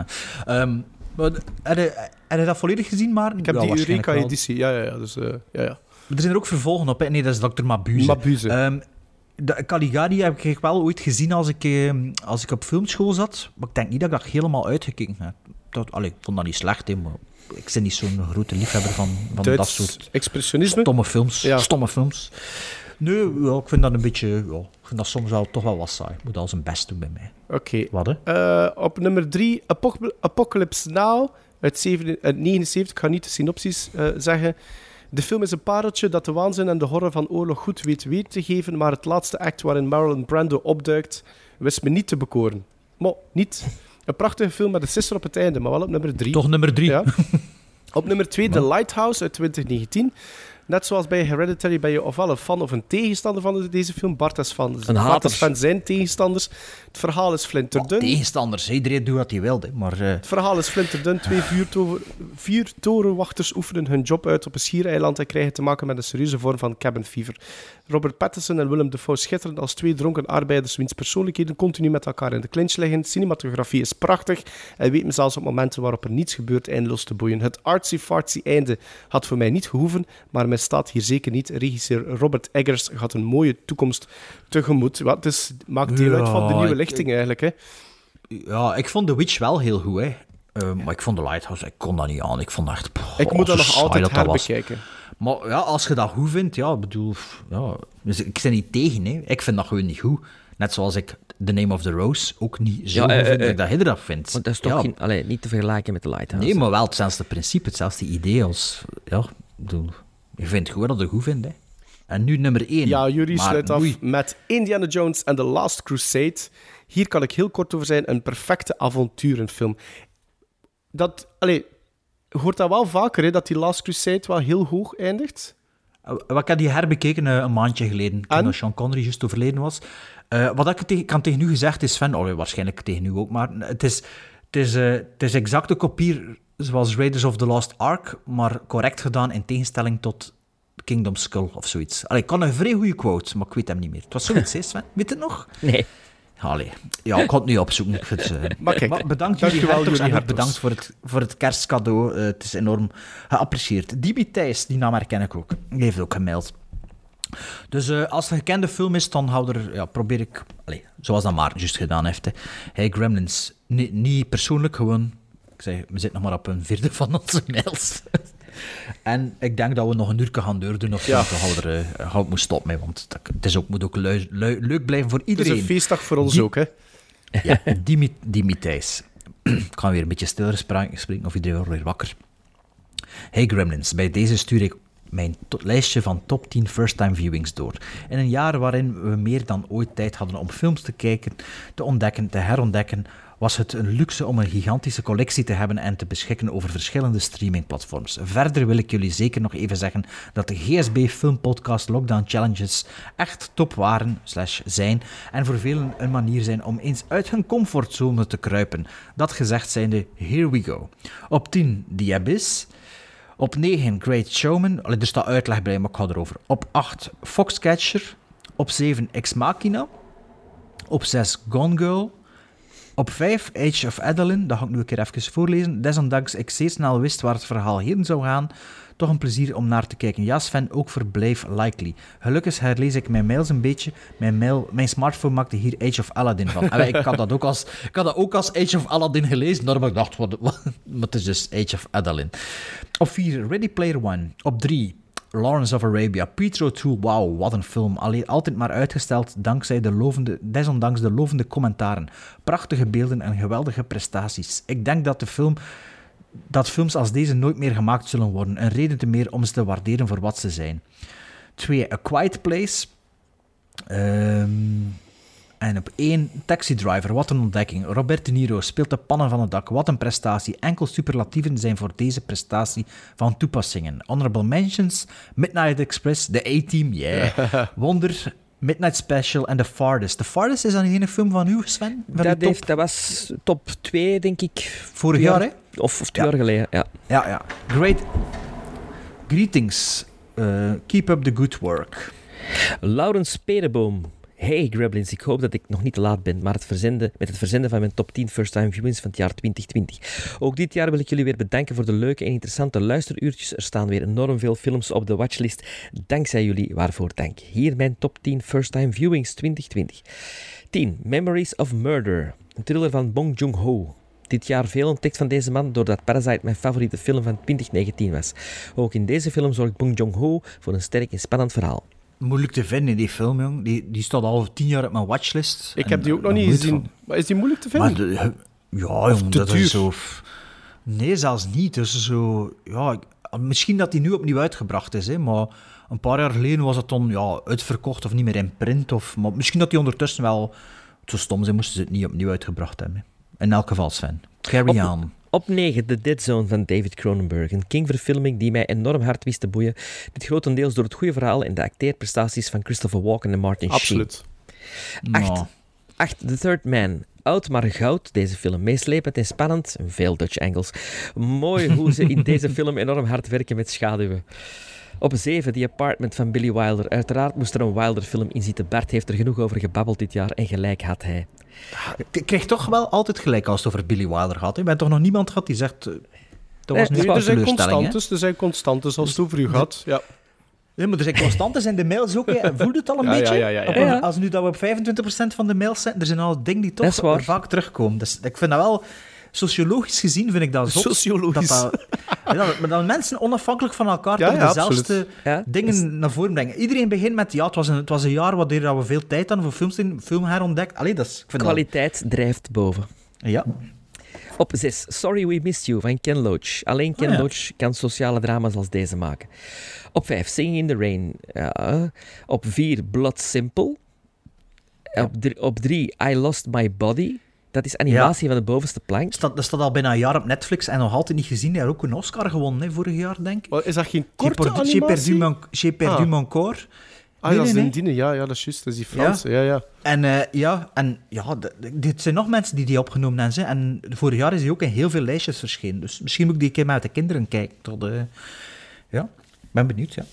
Op 2, Casablanca. Een klassieker die te lang in de kast gelegen heeft. Wat een pareltje, inderdaad. En 1, Ik, ik Requiem applaudisseer. for, a, Requiem for a Dream. Wat een helse rit wel op de goede manier. Heftige film. Eh, kippenvel. Ja. Oeh, wat kippenvel. Maar Ja. Requiem for a Dream, die heb ik ook al 15 jaar, 10 jaar weer liggen om nog een keer her te bekijken. Wat ik niet snap, is dat ik Requiem for a Dream twee keer in de cinema op een week kan kijken. Serieus? ja. Maar de eerste keer was ik er zo van omvergeblazen. Ik, allee, ik, ik denk dat ik toen nog allemaal niet zo gevoelig was aan al die gevoeligheden, Mhm. denk ik. Want ik vond, ja, ik vond dat... Ja, ik kan die volgens mij twee keer, of misschien zelfs op dezelfde week gaan kijken. Mooi. Ik vind dat jammer dat ik verrast die was. niet in de cinema gezien heb. Ik wil dat niet zien. Bon, als Jij laatste heb ik nog een ooit paar... zien. Als laatste heb ik nog een paar honorable mentions. Point Blank, Modern Times, His Girl Friday, Martyrs en The King of Kong. Ah, een seal of approval van de Gremlins Strike Back podcast.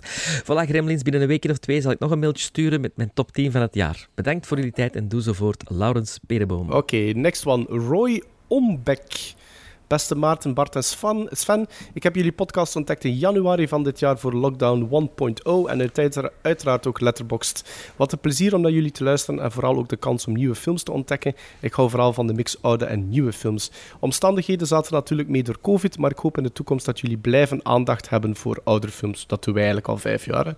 Dankzij jullie met eh, Le Samurai heb ik ook een beetje verder gekeken naar het werk van Alain Delon en onrechtstreeks ook op een paar andere goede films terechtgekomen, waarvoor dank.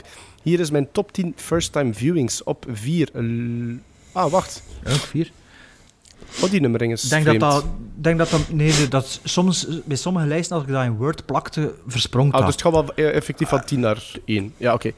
Eh, op Dank het wel. 10 eh, Le Cerveau uit 1960 door Gérard Houry. Twee partijen hebben hetzelfde idee om een trein te beroven. Grappige scènes, speciale types. David Niven loopt de ganse film met zijn hoofd schuin omdat zijn IQ te hoog is.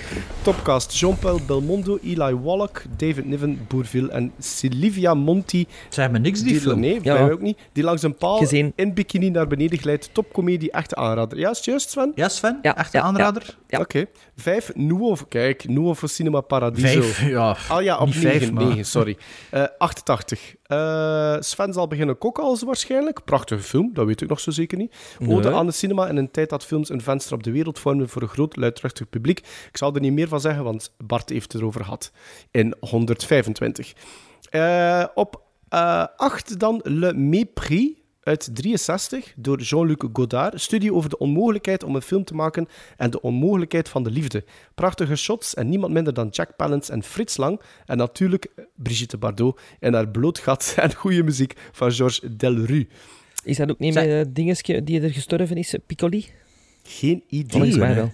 Eh, Ik moet wel zeggen, ik vind dat wel een to- toffe top 10 Amai. first time viewings. Er zijn zoveel dingetjes dat, dat ik niet ken. En, en het is kort, kort en Ja, kort en bondig. En, Allee, en zo dit, eh, de, beste leerlingen, dit is nu hoe het hoort. Ja. Dit is het voorbeeld eh, die wij willen eh, zien volgend jaar. En, en Nee, kijk, hij nee, maakt, nog, nog eens bedankt iedereen. en beste Roy maakt het onszelf zelfs heel gemakkelijk. De volgende is Le Samurai uit 67. Zie aflevering 101. Al genoeg over gepraat. voilà. De volgende, de volgende. Je, Jacques uit 2019 door Roman Polanski. Historisch Begin eens drama. Historisch drama over Ja? de Dreyfus, de Dreyfus-affaire in Frankrijk. Polanski brengt deze beruchte episode in de Franse geschiedenis indrukwekkend tot leven, met grootse decors en spannende rechtbankscènes. Maar ja, Polanski is natuurlijk niet onbesproken en deze film zal in de vergetelheid raken. Sven, beginnen kijken? Sven, ja? Begin ik kijken en afgezet. Oké. niet goed of geen slecht moment? Ik denk het boeide mij niet op die moment. Nee. Ik heb hem ook opgenomen, die speelde geplay een paar weken Ja. geleden. Ja, ik heb hem ook opgenomen. Dus dat, ja, pff, ook nog niet de neiging had om het op te zetten. Maar ja, misschien wel dit, volgend jaar. De volgende, iets inkorten ga ik dat doen. Le Cercle, Le Cercle Rouge uit 70. eh, volgens you, eh, wacht even, wie zit ik aan? Roy, sorry, Vies. Roy. Eh, volgens Roy het summum van stijl en sfeer, met als monumentale hoogtepunten een inbraakscène van bijna een half uur zonder tekst. Eh, de volgende is Jojo Rabbit. Oh, maar oh, oh, oh. Melville heeft de mosterd gehaald. Rififi van Ah, Jules Dassin ik wou gehaald. het soms een keer toch wel even zeggen. Sorry, sorry. Ja, Melville heeft de mosterd gehaald uit Riffy van Jules Dassin, Alain Delon, Bourvil Dat ik ook en Yves Montand op besproken hun best. Ja, inderdaad. Oké, Jojo Rififi Rabbit. keer aangehaald en Sven heeft dat cadeau gekregen van ons. En dat al. Nee.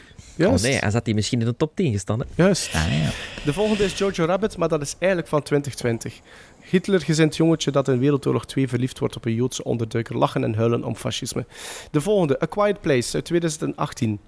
Eh Post-apocalyptisch Amerika. Ja, we hebben het daar eigenlijk al Ja, over gehad. wat dat Quiet Place is. Ja. Ja. Hier, kijk. Stilte de is de ultieme horrorfactor. De volgende, I Lost My Body Again. J'ai per- perdu mon corps. Uit 2019. Geen fan van animatie, maar deze film was echt goed. Spannend, poëtisch, surrealistisch coming-of-age verhaal. Dat ga ik niet, het volgende ga ik niet lezen.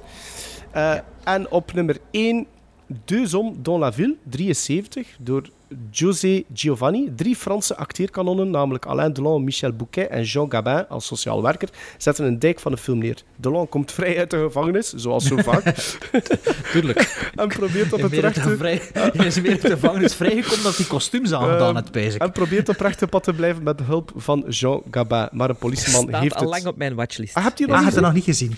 Oké, maar een politieman heeft het op hem gemunt. Als je het mij toelaat, heb ik ook nog een paar honorable mentions. Dat mag. Ja. Dat mag. Eh, want het zijn allemaal specialetjes. Du Rififi chez les hommes uit 53 door Jules Dassin, een Franse film noir. Eh, dan, Oh, dat is dat Rififi of?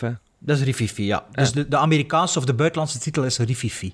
En de Franse titel is Du Rififi chez les hommes. ah, dat wist ik niet. Mo, oké. Ja, wat, dat is omdat er zo'n boekje bij zit, hè, bij, Ja, ja, ja, ja, of ja.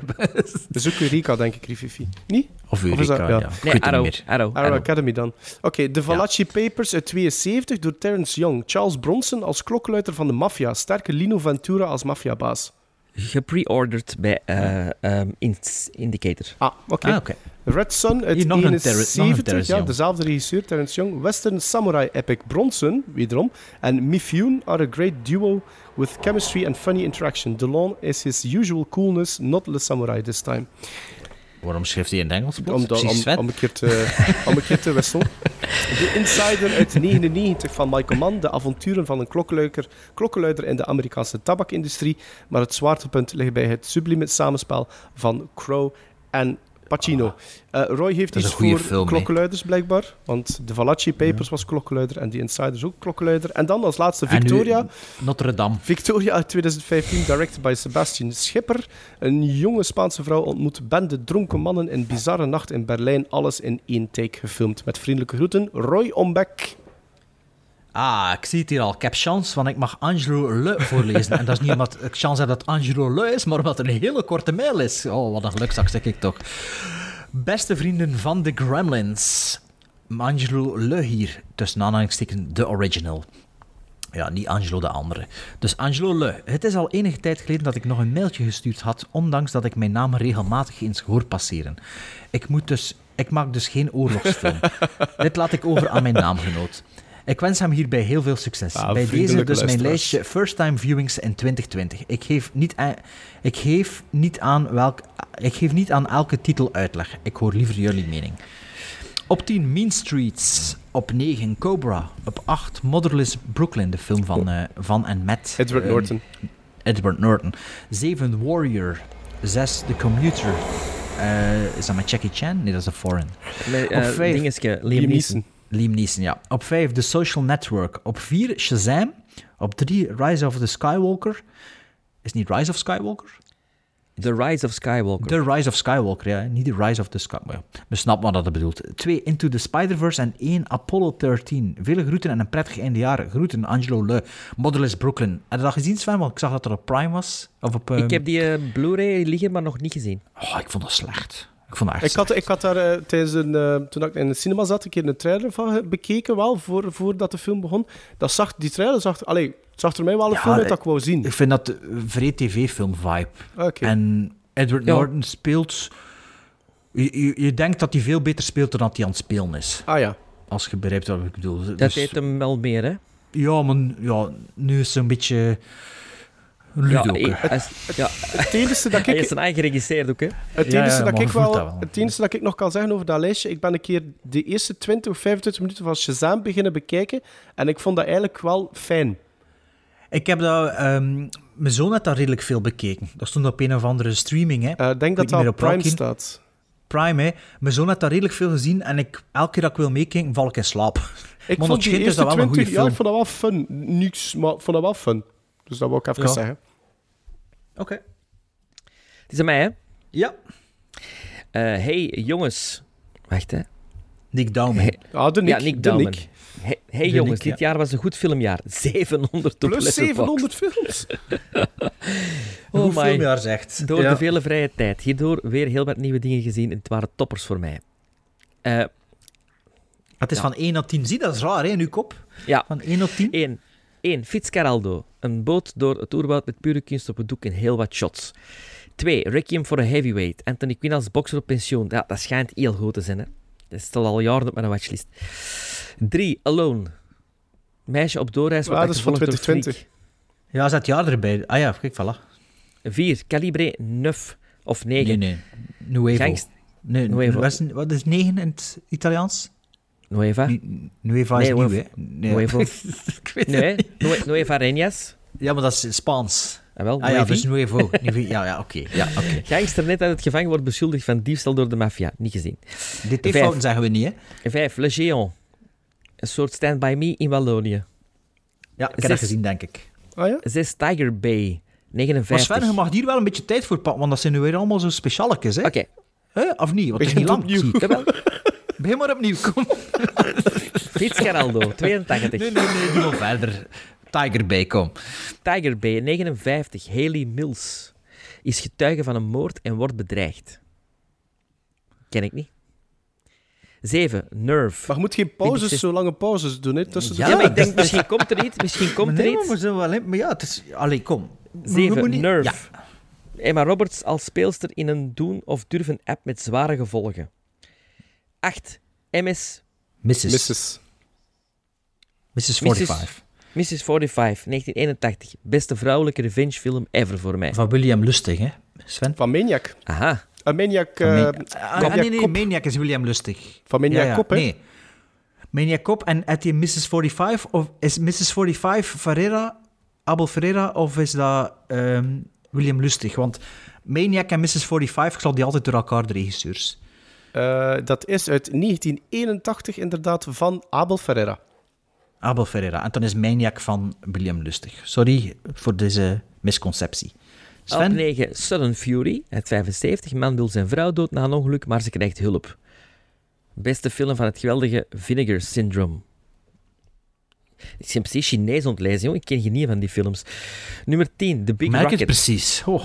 The Big Racket. Ja, maar dat is allemaal zo bijeen getypt. Dat is zo, Ja, zo, het zijn zo geen, geen spaties. Waar ik zo... Dat is nog altijd van links naar rechts gewoon lezen, dus van. The Big Racket. Ja, maar... The Big Ik vind Racket... het vooral lastig dat het van 1 naar 10 is. Ik vind dat is een beetje... Ja, het Maar ja, klopt, Big ja. Ra- Allee, ik zal de, de Big maar Racket... met commentaar geven op onze luisteraars. Allemaal bedankt. Jongen, het Big is ook al Racket. twee uur s'nachts. De Big Racket 76. Politieagent slaat keihard terug naar de georganiseerde misdaad. Ik ken weinig van die films die ertussen staan. Waarvoor dank. Ik ken, ik ken bijna al... Zes van de tien ken ik. Eh, Bij, bij, de sorry, maar bij twee Requiem for a Heavyweight staat er dit, de enige 9 op 10 score. Dus ik denk eigenlijk dat het een beetje door elkaar is in top 10. tien. Of van... Ah ja... Of van 1 naar 10 effectief. En dat Ah, Fitzgerald nee, nee, op want 10 op 10 is. ah, ja, dat kan wel zijn. Wow, dat is zo raar dat hij dan Ja. bij twee enige 9 op 10 zet. Doet er niet toe. Oh ja, ik kan die op mijn watchlist zetten als die er Maar nog wat ik nou wel staat. raar vind, dat als je Mrs. 45, dat is verkeerd geschreven, want Mrs. is MRS in het Engels. Nee, maar de film is MS geschreven. Ja, maar bro, hoe, hoe moet ik dan weten dat dat Mrs. is? Wat? Omdat wij het zeggen tegen. Maar, maar wat is de afkorting van Maar is mis dat- dan? Het missen en het ook mist is misschien Miss 45.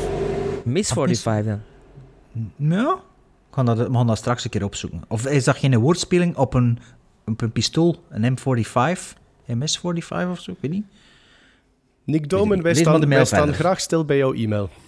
Ja, Eervolle vermeldingen. Eh, Never, rarely, sometimes, always. Meisje dat wanhopig abortus wil plegen.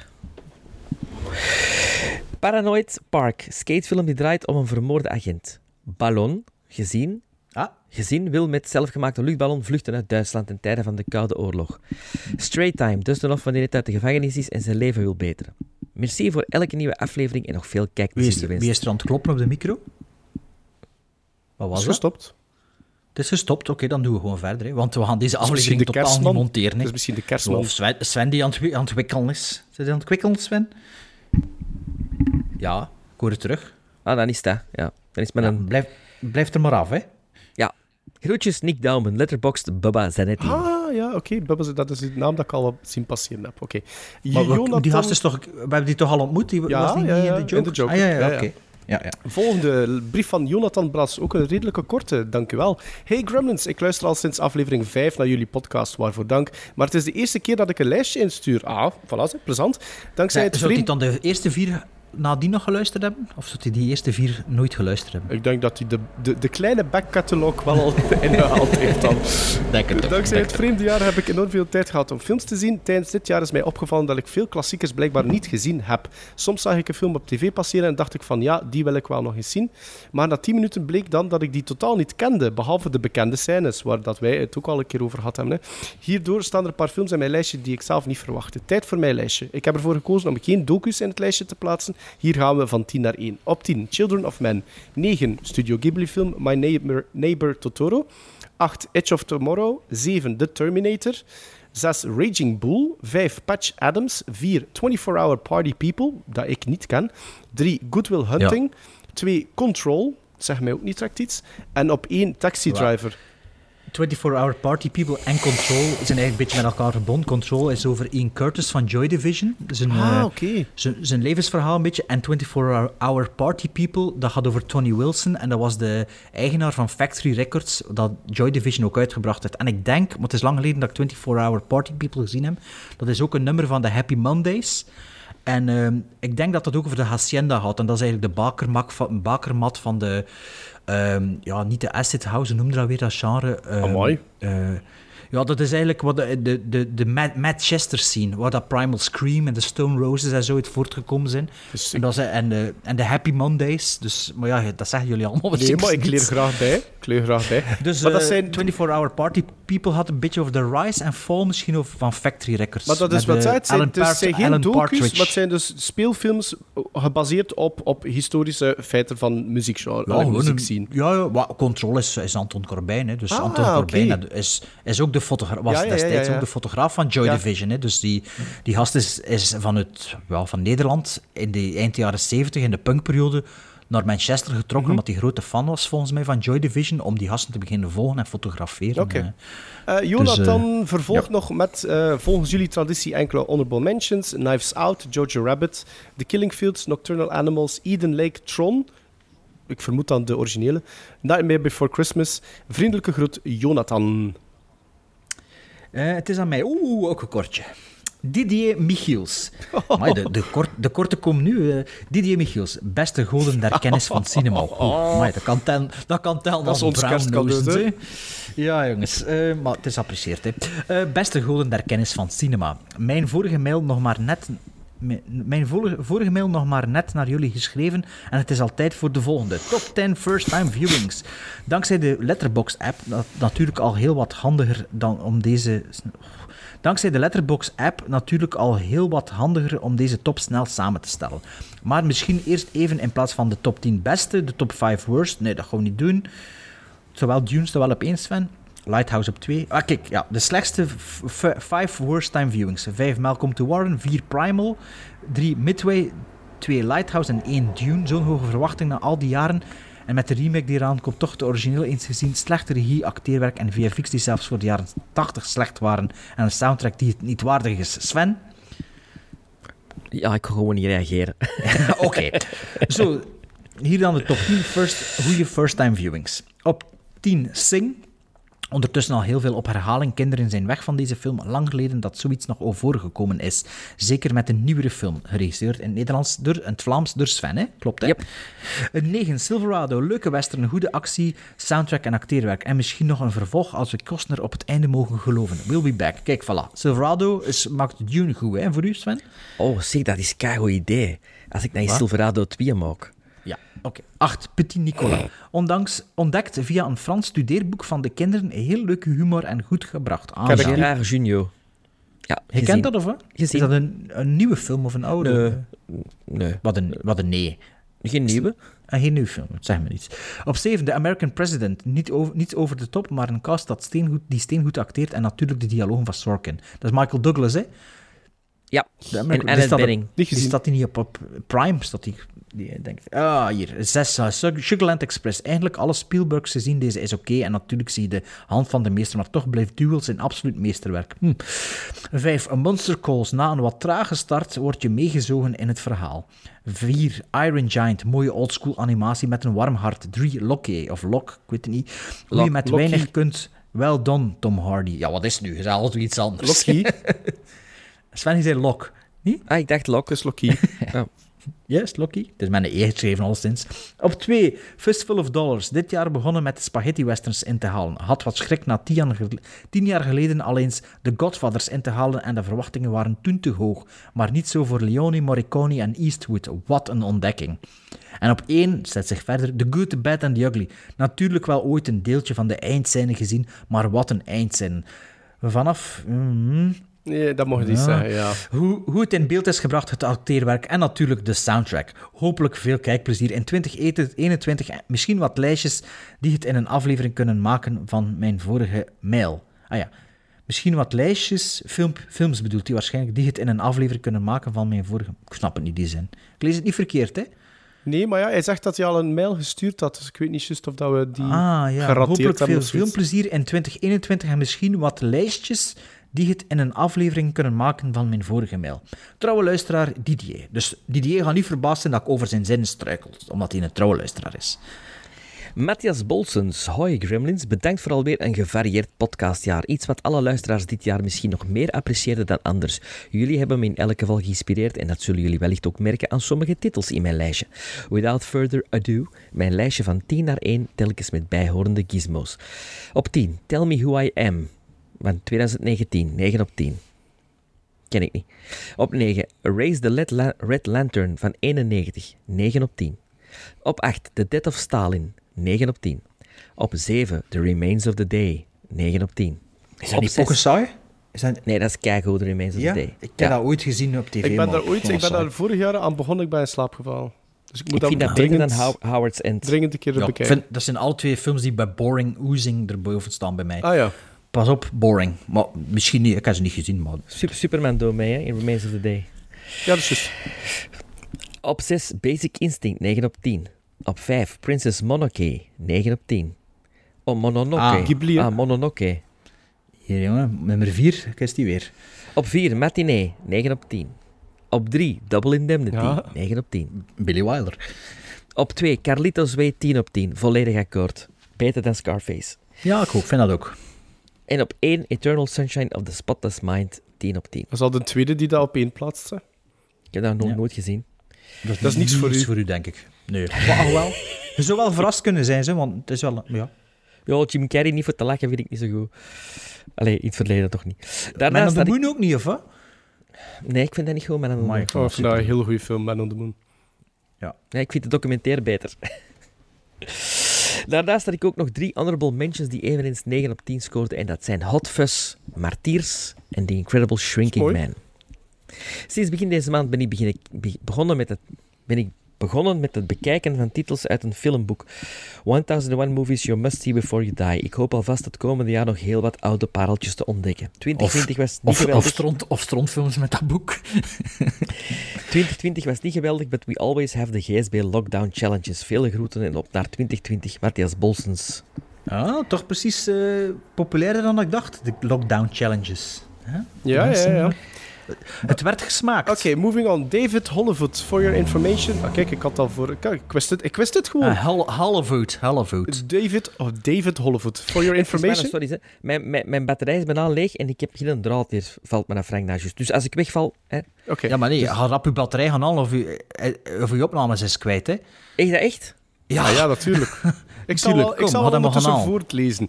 Ja, David maar Hollywood, for your information. Mijn naam wordt op zijn Engels uitgesproken, zoals bij Bowie en Fincher. Voilà, ik heb het juist Dus gedaan. David Hollywood. David Hollywood. Beste. Gremlins, dag Bart, eh, Sven, die is even weg, eh, David en Maarten. Elk nadeel... ja, maar Sven wist niet, als uw computer uitvalt, dat uw opnames Nee, kwijt zit. Voilà, dat, zegt, eh, dat vat zowat de ridder samen.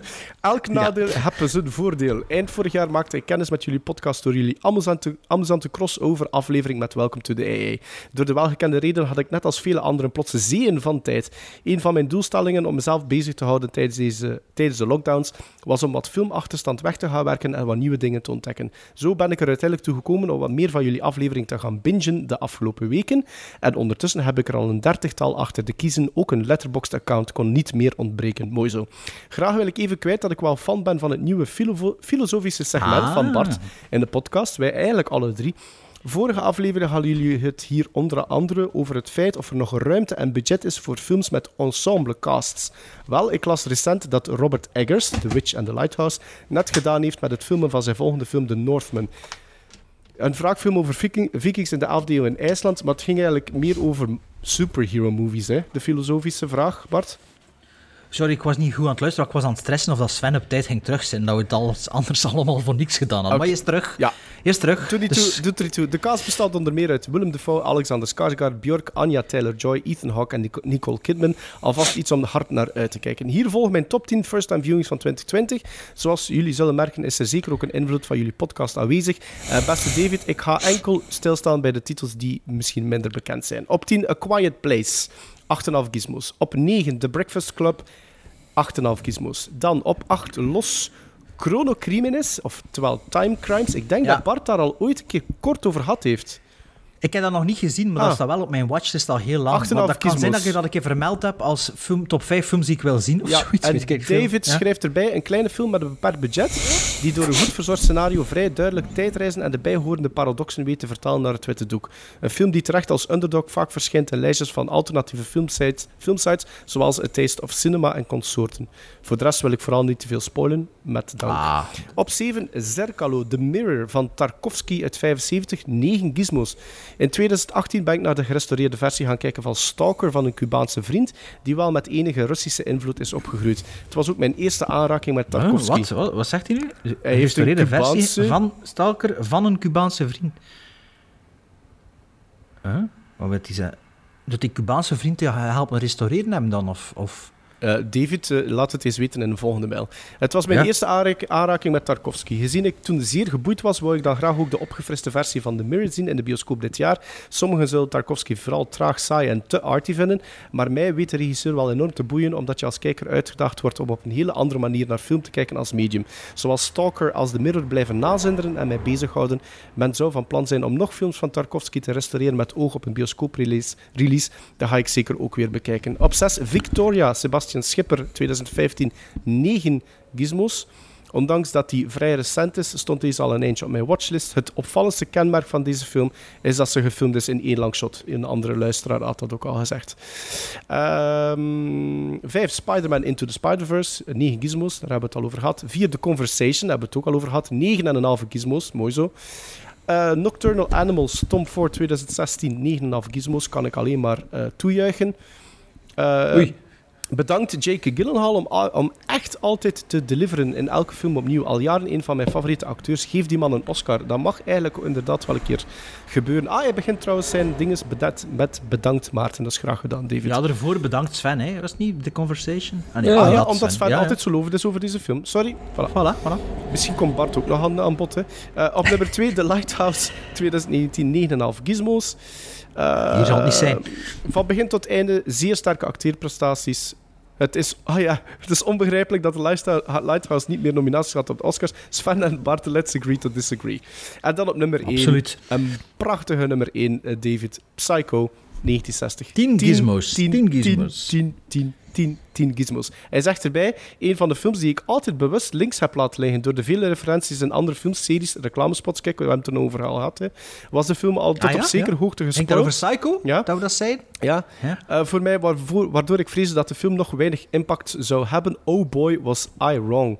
Ik kan er me soms aan irriteren dat men kwistig met de term meesterwerk omgaat als het over film gaat, maar dit is er één. Honorable mentions van David. eh, Total Recall, The Golden Glove, From Beyond, Dread, Threats, ah, kijk, en The Wicker Man. Mijn... Wacht, maar dat gaan we niet doen. Ja, hij, hij, hij heeft nog vijf documentaires mee. Zero Days, van, met... ehm, eh, acht gizmos. Jodorowsky's Dune, schitterende documentaire, acht gizmos. Lost Soul, The Doom Journey of Richard Stanley's uh, Dr. Island, eh, Island of Dr. Moreau, 8,5 gizmos.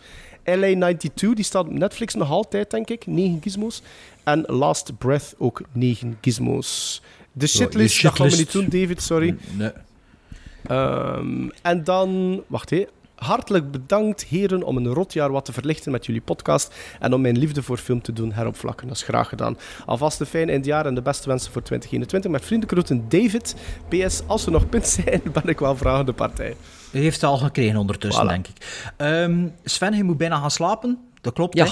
Doe je nog dit, dit mailtje en uh, gaat dan naar uw bed. En Maarten en ik doen dan ook nog elk een. En dan rodden we af voor eh, deze kerstdag. Dat we, ja, dat we toch naar ons bed kunnen. Dat we morgen niet, eh, dat, allee, dat niet te laat wordt, eh, natuurlijk. Voor in ons bed te blijven liggen. Is het goed? Dat is goed. Ja. Bernd Hermans schrijft: Dag Maarten, Sven en Bart. Mijn naam is Bernd en iets meer dan een jaar geleden gaf mijn lieftallige vriendin mij een topcadeau: de 100 Movies Bucketlist krasposter. Hierbij heeft elke film een vakje waaronder een pictogram verscholen zit. Je mag uiteraard pas het vakje wegkrassen als je de film hebt gezien. Ik had toen recent Letterboxd ontdekt en door deze poster had ik de filmkriebel volledig te pakken. Het was dan ook toen dat ik begon te luisteren naar jullie podcast, ergens in september 2019. En ik kijk sindsdien elke twee weken uit naar een nieuwe aflevering. Nu was ik zelf toch nog een jonge filmleek, ik ben van 98, en dat leverde in 2020 veel geweldige first-time viewings op. Niet enkel van de poster. Er zitten bij deze titels waarschijnlijk geen nieuwigheden tussen voor jullie, maar ik dacht, een mailtje proberen kan geen kwaad. Tuurlijk. Op 10, Airplane. Tussen nog schrijft hem hoe dat hem zo eh, hem ontdekt heeft. Hè? Airplane, de poster. Ah, oké, ik snap niet wat dat stond Ja. te doen. Ja, ja, oké. 9. The Big Short. 8. Gladiator, de poster. 7. Inglourious Bastards. 6. Raiders of the Lost Ark, de poster. 5. The Artist and Fragment. Nee, dat was... eh, Nee, dat is zo slechte copy-paste. De artist ah, zal The dat Artist. geweest Ah ja, niet Ja. gedacht dat dit iets voor mij was, ook maar opgezet op een luie middag. Even later zat ik gekluisterd aan het beeld. Vier. Op 4. Scott Pilgrim vs. The World, van de poster. Eh Ken je, Cornetto Trill. ken je dat niet, de Cornetto-trilogie, Sven? Dat, zijn Nee. de, de, dat is ehm Shaun of the Dead, Hot Fuzz en eh The World's End. Ah, World Send. Ja. Oké. Cornetto Trilogie van hier. Dus wou zeker deze van Edgar Wright ook nog even checken. Geweldig. Baby Driver was een teleurstelling. Het gekeken hebben naar de hashtag MeToo van de twee meest prominente kijk. personages kan daar wel mee te maken hebben. Op drie, Jaws van de posters. Twee Spielberg-klassiekers in de lijst. Dat betekent dat ik Be- Peter ook even inhaal op al die andere. Twee, 2001 A Space Odyssey van de posters. En één, The Shining van de Twee posters. keer Kubrick en twee keer Spielberg. Mooi, hè? Kubrick is voor mij duidelijk een ontdekking dit jaar. Daar kan je zeker meer van kijken. Groetjes Bernd, PS, fan van het nieuwe segment Filmflosh. Keep it going. Dat is tof, hè? Dat is al de tweede die, die, die zegt dat dat leuk is, dat segment. Ja, en er zijn er nog, maar ik denk niet dat we ze nog allemaal gaan Nee, kunnen bespreken. nee. Sven, slaap wel, jong. Hè? Dankjewel. Hè, Soigneer u. Merry de, groeten Christmas. aan, eh, de, gro- de groeten aan de familie. Hè? Is goed. Nog een, een Merry Christmas, maar en ik doe nog vijf minuutjes voort en dan eh, gaan we ook gaan, gaan slapen. ik mag Eh, al stoppen met mijn opname ook, hè? Ja, ja, Ah, tuurlijk. ja, hè. Maar wa- wa- wacht, hè. ik wil nog één iets zeggen voordat je vertrekt. Iets dat ik me nu net bedacht heb. Ik zal het nu al delen, dan hoort het ook. Als er eind 2021 iemand is die enthousiast zou zijn om onze lezersbrieven te editen en te reduceren, zodat we dat zelf niet moeten doen, mag u u altijd opgeven daarvoor. Hè? Dus iemand die ze allemaal al leest en copy-paste. Want ik denk elk jaar dat ik dat ga doen, maar ik zie het al met massa en kom er dan niet aan te toe. Snap je? Dan gaat het allemaal iets vlotter gaan. Maar of, als jullie dat willen doen, dan mag ook. Hè. zeg, Sven, slap wel, hè. Niet te veel nee, uw buikje goed straks. Yo. Yo. Stuur, stuur, me, stuur me nog uw opnames door als. Zal ik doen. Dan is dat in orde. Hè. Bye u-. Nog twee mails, Maarten. Goed? Ja, ja, doe maar. Doe jij maar eerst, Bart. Nee, nee, want dat is zo nog lang. Ah, dat moet ik, ah ja, dat doe ik. Van Joris, Joris de Koning. Ter attentie van de beste, leukste en uit... Mijn stem gaat erop vooruit, jong, zo laat. Ter attentie van de beste, leukste en uitgebreidste filmpodcast van België, a.k.a. Gremlin Strike Back Film Podcast. Beste Bart, beste Maarten en beste Sven, die gaan slapen is weg, is weg.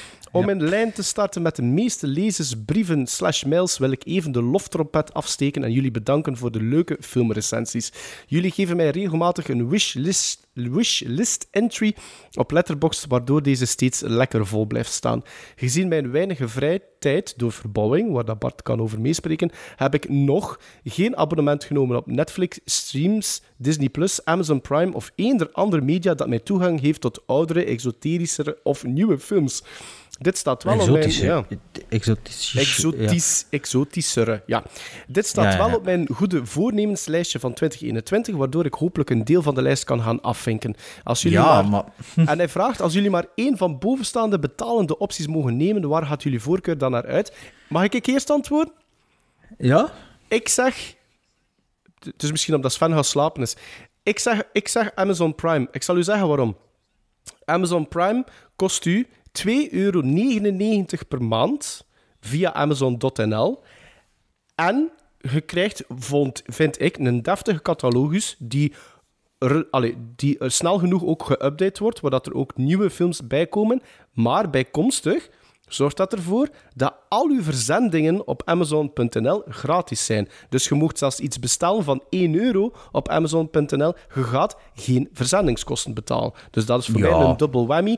En ik vind echt waar, die catalogus van Amazon Prime, ik heb daar geen probleem mee. Nee, nee, nee. eh, wat dat hangt er wel een beetje vanaf. Amazon Prime is inderdaad, kost geen geld. Ik had ook een speciaal batterijke nodig voor, eh, voor hier iets. Ik vond hem niet in de Hubo en de, en de, en de, en de Brico. Ik dacht, ja, ik zal op Amazon NL kijken. En daar hadden ze wel dan een onnozel batterijke van 60 cent. Dus ik kon dat inderdaad Voilà. gratis laten opsturen. Ecologische voetafdruk, niet zo interessant. Maar ja, als het niet in de winkel hebben, kun je er niet aan doen. Eh, het is inderdaad goedkoper. Hangt er natuurlijk vanaf, wil je uitsluitend films hebben? Of wil je Ja. ook series hebben? Ja. Ehm, als, als we ervan uitgaan dat die enkel over films bezig is, ik denk dat er geen enkele van deze oudere of exotische films in overvloed heeft. Niet in overvloed. Amazon Prime, Prime wel. Amazon Ah, ja. Prime heeft wel de meeste, Ja. maar let ook goed op. ehm, ik weet niet, voor mij is dat geen probleem, voor Maarten ook niet. Nee. Er zijn er heel veel zonder Nederlandse ondertitels. Ja. Wel in de originele taal, maar zonder ondertitels of enkel Franse. Dus als je daarmee kunt leven, ja, Amazon Prime 2,99 euro, zal misschien wel iets duurder worden binnenkort. Ja, dat is iets dat je niet voelt. Hè. Dus eh, Amazon Prime zou ik zo zeggen. En ja, ik, ik heb dat nu nog niet gedaan, maar ik zou, wel, ik zou, toch ook wel een keer een VPN on- overwegen. Dus zo om uw, om uw eh, IP-adres ja, region vrij te maken, zodat het dan... Ik geloof dat Amazon Prime in de States wel een hele grote catalogus heeft. Ja, ja. Allee, dat, is, dat is niet echt legaal, denk ik, maar het is zo'n grijze het wordt zone, redelijk technisch, maar ja, wederom Sven is toch al gaan slapen. Ja, de- een VPN is niet zo technisch, Nee? dat is gewoon... Nee, dat Maskeren. is inloggen, hè. Dat is gewoon maskeren. Dat is, in- dat, dat is echt inloggen en een, een soort netwerk. Maar ik heb het zelf nog niet gedaan, dus ik ken er het fijne niet van. Dus dat is mijn antwoord op de vraag. Oké, dus dat was al antwoord op eh, die vraag, Joris. Ik ga verder. Voor ik aan mijn top 10 ga beginnen, wil ik een korte duiding geven bij deze mail. Ah ja. Er zitten tussenin ook enkele vragen voor jullie waar ik al gedurende lange tijd mee zit, maar nog niet de tijd voor genomen heb ze te stellen. Oké. Oei, oei, oei, oei. Het, is, het is al een lange ja, mail. ja, dus alvast mijn excuses voor de lange mail. Ik heb bij mijn lijstje ook steeds mijn letterbox score gezet om eventueel jullie scores mee te vergelijken. Even een kanttekening. Ik vind 5 sterren net iets te weinig variatie om een goed beeld van de puntenverdeling te geven. En ik weet ook dat Bart een hartje gebruikt om halfjes te geven. Ik doe dat ook. Maar ik int- interpreteer hartjes anders. Voor mij is een hartje een film die een speciale plaats krijgt in je hoofd of hart. Een film waar je specifiek een mooie herinnering aan hebt. Dit kan evengoed een minder goede film zijn. Ik snap die gedachtegang wel. Oké, Ja. Joris, top 10 first time views of 2020. Op nummer 10, The, Girls, The Girl in the Spider's Web uit 2018. 3,5 op 5. Een leuk vervolg op The Girl with the Dragon Tattoo, vol actie en spanning. 9, Patser uit 2018. 3,5 op 5. Een Belgische film waar ik niet veel zin in had om naar te kijken, maar die een stuk beter was dan ik verwacht had. Eh, ik heb die nog altijd niet gezien. Eh, op 8, A Quiet Place uit 2018, 3,5 op 5. Spanning van begin tot einde met een open einde, waardoor ik enorm uitkijk naar het vervolg. Initieel had deze een 4 op 5, maar door enkele voorspelbare scènes, scènes is er een halfje afgegaan. Ik verwijs even naar de nagel. Kijken jullie ook uit naar het vervolg? De nagel is iets... ehm, als ik me niet vergis, waar dat Bart ook een, eh, eh, bij, op bij stilgestaan is. Kijken jullie ook uit naar het vervolg? Ja, die moest normaal gezien denk ik al verschenen zijn, maar door de pandemie is dat ofwel op halt gezet, ofwel is de release uitgesteld. Ik denk eerlijk gezegd dat de release uitgesteld is. Bart, ehm, Bart, eh, dus eh, Joris verwijst naar de nagelscène in A Quiet Place. Hij had daar ook wat moeite Had mee. gezegd, had je gezegd dat ik gaan pissen was? Nee, ik heb dat gewoon Ah, nee, eh, vol, volgeleuterd. Maar dus had dat eigenlijk naadloos aangesloten. Ja. Maar ja, goed, het is, ja, normaal knippen we dat er allemaal uit. Hè, maar kijk, ja, maar ik wil geen werk in deze Dat aflevering steken. Dat dat, dat dat binnen vijf uur online staat. Dus ik moest even pissen, Dan moeten we gewoon nog Ja, antwoorden op de vraag: kijk jij ook uit naar het vervolg van A Quiet Place? Ik wel. Tuurlijk, tuurlijk. Ja, ja. Eh, op Waar, nummer waar, staat 7. dat? waar zitten we? Sorry, Ah, waar zitten we? Oh, het zit Ja. acht. Bij 7. Op 7 staat Passengers uit 2016, een 4 op 5. Je voelt de eenzaamheid en een dilemma van het hoofdpersonage en daardoor zat ik volledig in de film. Eh, Sven en ik zelf zijn daar fan van, Bart iets minder, dacht ik. Ja, hè? Ja. Eh, hij is Ja, niet, ja, ja. eh, Bart is niet gaan pissen, hij is er nog altijd. Eh, op 6... Nee, ik ben er nog. X-Men Days of Future Past uit 2014, 4 op 5. Een zeer leuke film in het X-Men-universum. Ik vind de flashforwards en flashbacks wel iets waar je je aandacht bij moet houden. Je zou op een slaperige avond wel eens niet mee kunnen zijn met het verhaal. Vraag je... Kijken jullie dergelijke franchise-movies in volgorde dat ze uitgekomen zijn, of in volgorde van de timeline, of puntje, puntje, puntje? Ik heb dezelfde vraag met het MCU. Ik kijk liever deze films in timeline-volgorde, wat soms tot problemen leidt. Zo moet ik nog enkele Marvel-films bekijken, vooraleer dat Joris Avengers Infinity War en Avengers Endgame kan kijken. ja. Wat is jullie insteek? Goh, eh, ik, denk, ik denk dat dat gewoon uitkomt wanneer dat, eh, eh, bekijk wanneer dat die films Ik uitkomen. En als ik ze mis, dan pik ik ze wel eens mee. Ik denk wel dat ik altijd een klein beetje in mijn achterhoofd hou van. Ik heb dat ook in de podcast al een paar keer gezegd. Zo'n pet peeve van mij is als ik naar films kijk en er zitten referenties in naar andere films en ik die dus niet kan snappen. En ik vind dat wel ambetant. Dus als ik dat op voorhand weet, zou ik wel proberen van eerst de andere films te zien, zodat ik zeker weet dat ik alles begrijp wat dat er in die film Ja, zit. ik, ik ga nooit de, o- ik, allee, de overal verhaallijn nadien ga ik niet... eh, ik ga nooit Star Wars zeggen van je moet beginnen kijken bij de Phantom Menace. Nee, want die films zijn zo gemaakt dat... eh allee, als Je met de New Hope beginnen bedoelde. Voilà. Ja. Of zelfs met, met, die- met die Marvel Universe. Ja, je begint gewoon met de Iron Man en begint gewoon te zien. En de gaten worden gaandeweg wel opgevuld. Voor de eerste keer, hè, want Voor de eerste het, is keer. Ook zo dat ze, het is ook zo dat ze uitgekomen zijn. Ja. En als je, de- als je ze dan allemaal gezien hebt en je wilt het dan toch nog echt beter snappen, ja, to, allee. Mijn idee is ook, like de Phantom Menace, al die ideeën erin, je kunt wel zeggen, ja, George Lucas wist al van in het begin wat dat zijn plan was en zo, maar ja, er zijn altijd dingen nog bijgekomen later die toch retroactief wel passen op een nieuw hoop. Of, allee, ja. Tuurlijk, wat is gemakkelijker Dus- ook natuurlijk. Hè, dat Dus ze als je het mij vraagt, dan kijk ik gewoon... eh, volgens dat ze gewoon, uitkomen. volgens als uitkomen. Ja. Eh, op eh 5 Baby Driver 2017, 4 op 5. Goede actiefilm. Bart en ik vinden dat ook. Ik kan lichtjes relateren aan Baby, aangezien ik ook een beetje last heb van tinnitus. Maar als je dat hebt zoals hij het heeft, dan word je toch helemaal gek. 4. Ghostbusters. Kijk eens aan de first time viewing 1984, 4 op 5. De opbouw van het verhaal blijft toch werken. Ook het afgelopen jaar Ghostbusters van 2016 gezien, maar dat was een grap ten opzichte van het origineel. De rol van klunzige telefonist had Chris Hemsworth niet mogen aannemen, in my honest opinion. Thor kan wel betere rollen krijgen, denk ik dan. Ik moet eerlijk zeggen dat Chris Hemsworth nog een van de weinigen was waar ik af en toe een keer heb mee moeten lachen. in Oh, die Ehm. Finally, finally, finally. De top 3. Op 3, Ready Player One uit 2018, 4 op 5. Werd al uitgebreid besproken in aflevering 59, waarvoor dank. Ehm, Voilà, hop. en, en 73, maar hij heeft mij toch wel mooi 140 minuten kunnen boeien van begin tot einde. Op nummer 2, It, Chapter 1 dan. Uit 2017, 4 op 5. Het genre is horror, maar voor mij gaat het meer richting een thriller. Er zitten niet echt jumpscares in de film, maar laat meer aan de fantasie en insinuatie over. Zalige film. Nu nog het tweede deel zien, maar ik heb een beetje schrik om deze te bekijken. Ik heb jullie aflevering en feedback gehoord, maar niet kijken is geen optie. Wat, Sven, Sven heeft nog altijd Chapter 2 niet gezien, dacht ik. Van, sorry, van wat? Van Van, It? Eh, Nee, denk nee. wel, denk het wel. Hoor. Dit jaar wel, dacht ik. Zal een keer op zijn letterbox Oké. neuzen ondertussen. Maar volgens Bart en...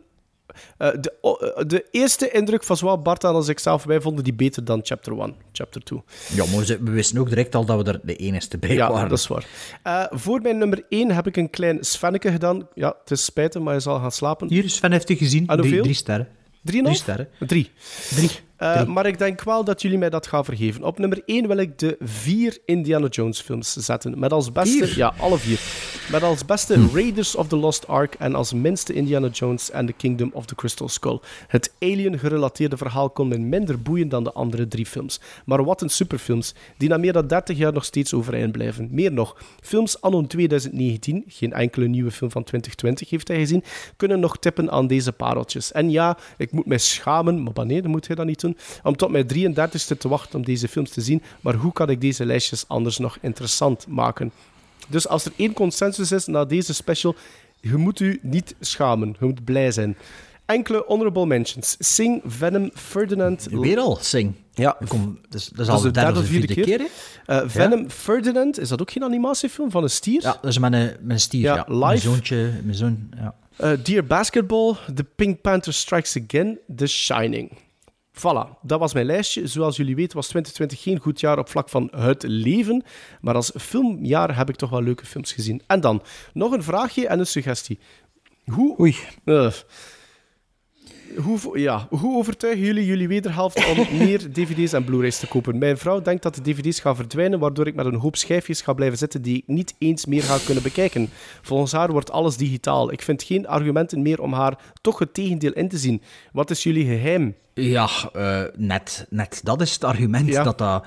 Ten eerste, dvd's... Ik bedoel waarschijnlijk een dvd-speler, veronderstel ik. Als die met schijfjes gaat blijven zitten. Want als je zolang dat je een speler hebt, had ik er naartoe blijven kijken. En dat zal zeker nog 80 jaar in productie blijven.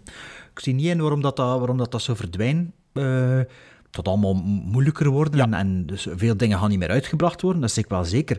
Maar als je nu al ziet hoe dat weg en weer gaat met wat er op streaming service staat en wat er verdwijnt. Was het deze aflevering nog dat we iets zijn dat, dat we opgezocht hebben? Of was de vorige Dat is de aflevering? vorige keer. Breakdown, de vorige aflevering, ja. Eh, ja, het is al weg. Ik bedoel, een half jaar geleden stond erop. Eh, ik, vind dat, ik vind dat exact de reden waarom dat het wel fysiek... Allee, correct me if I'm wrong, hè. Waarom dat het wel moet fysiek. Dus ik vind dat argument van uw vrouw of uw vriendin... Ja, en wat is mijn geheim? Sorry, maar mijn vriendin moet me niet vertellen wat dat mijn hobby's zijn of niet. Als het over het geld gaat, ja, ik bedoel, iedereen... Dat, kan een punt van discussie zijn, maar gewoon over het feit of dat het al dan niet moet doen, ja. Ik denk ook dat de liefde voor mij van een fysieke collectie nog altijd voortstamt uit het feit dat ik uren in de videotheek rondliep. Ik heb dat gewoon graag in mijn hand. Ik vind dat gewoon een, een, een, een meerwaarde om dat fysiek in mijn bezit te hebben. Dat was al hetzelfde van toen dat ik films begon op te pakken op een VCR-recorder van op de BBC of wat dan ook. Dat was gewoon plezant om te weten van dat je dat hebt. Je kunt dat altijd bekijken wanneer dat je maar zin in hebt. En inderdaad, zoals dat Bart zegt, het gaat niet verdwijnen, hè, want je hebt het fysie- fysiek in je bezit. Ehm, Dus dat... Ja. Dus ja. Ja, ik weet niet hoe, dat hun relatie is natuurlijk. En, En ik, ik Ja. spreek... ik, ik, spreek ik, pers- haar- ik persoonlijk... Ja, ik spreek, ik spreek zijn vriendin of vrouw wel een klein beetje tegen. Ik denk niet dat alles digitaal gaat worden. Hè. De, Ook al niet. Bedoel- nee, zal alleen maar erger als je alleen maar kijkt naar de, naar de, de boutique labels en, en, en, en hoe hoe- vroeger een Arrow die uitkwam, dat was, dat was sporadischer dan wat dat ze nu doen. Hè. Dus die blijven Ja, ja. eigenlijk maar meer, die blijven meer en meer produceren ieder jaar. Dus ik denk niet dat dat volledig gaat verdwijnen, maar het zal meer overhevelen naar de boutique labels. Dat denk ik wel. Ja, maar alles, alles digitaal, dat vind ik... Allee, je moet nu... eh, kijk, moet ik de test doen? Allee, of morgenochtend, of de luisteraars als ze dit luisteren. Moet ik hier naar Netflix gaan? Of whatever dat hebt. Hè, en je moet een keer beginnen zoeken hoeveel films van pakweg 2013 dan er op dit moment op staan. Eigenlijk, Kijk, kijk zoek, zoek een keer de top 10, de consensus, de 10 beste films van 2013. En kijk een keer op je servers. Max, Ja. Mad Max Fury Road, staat er op Netflix? eh, ik denk het wel nog.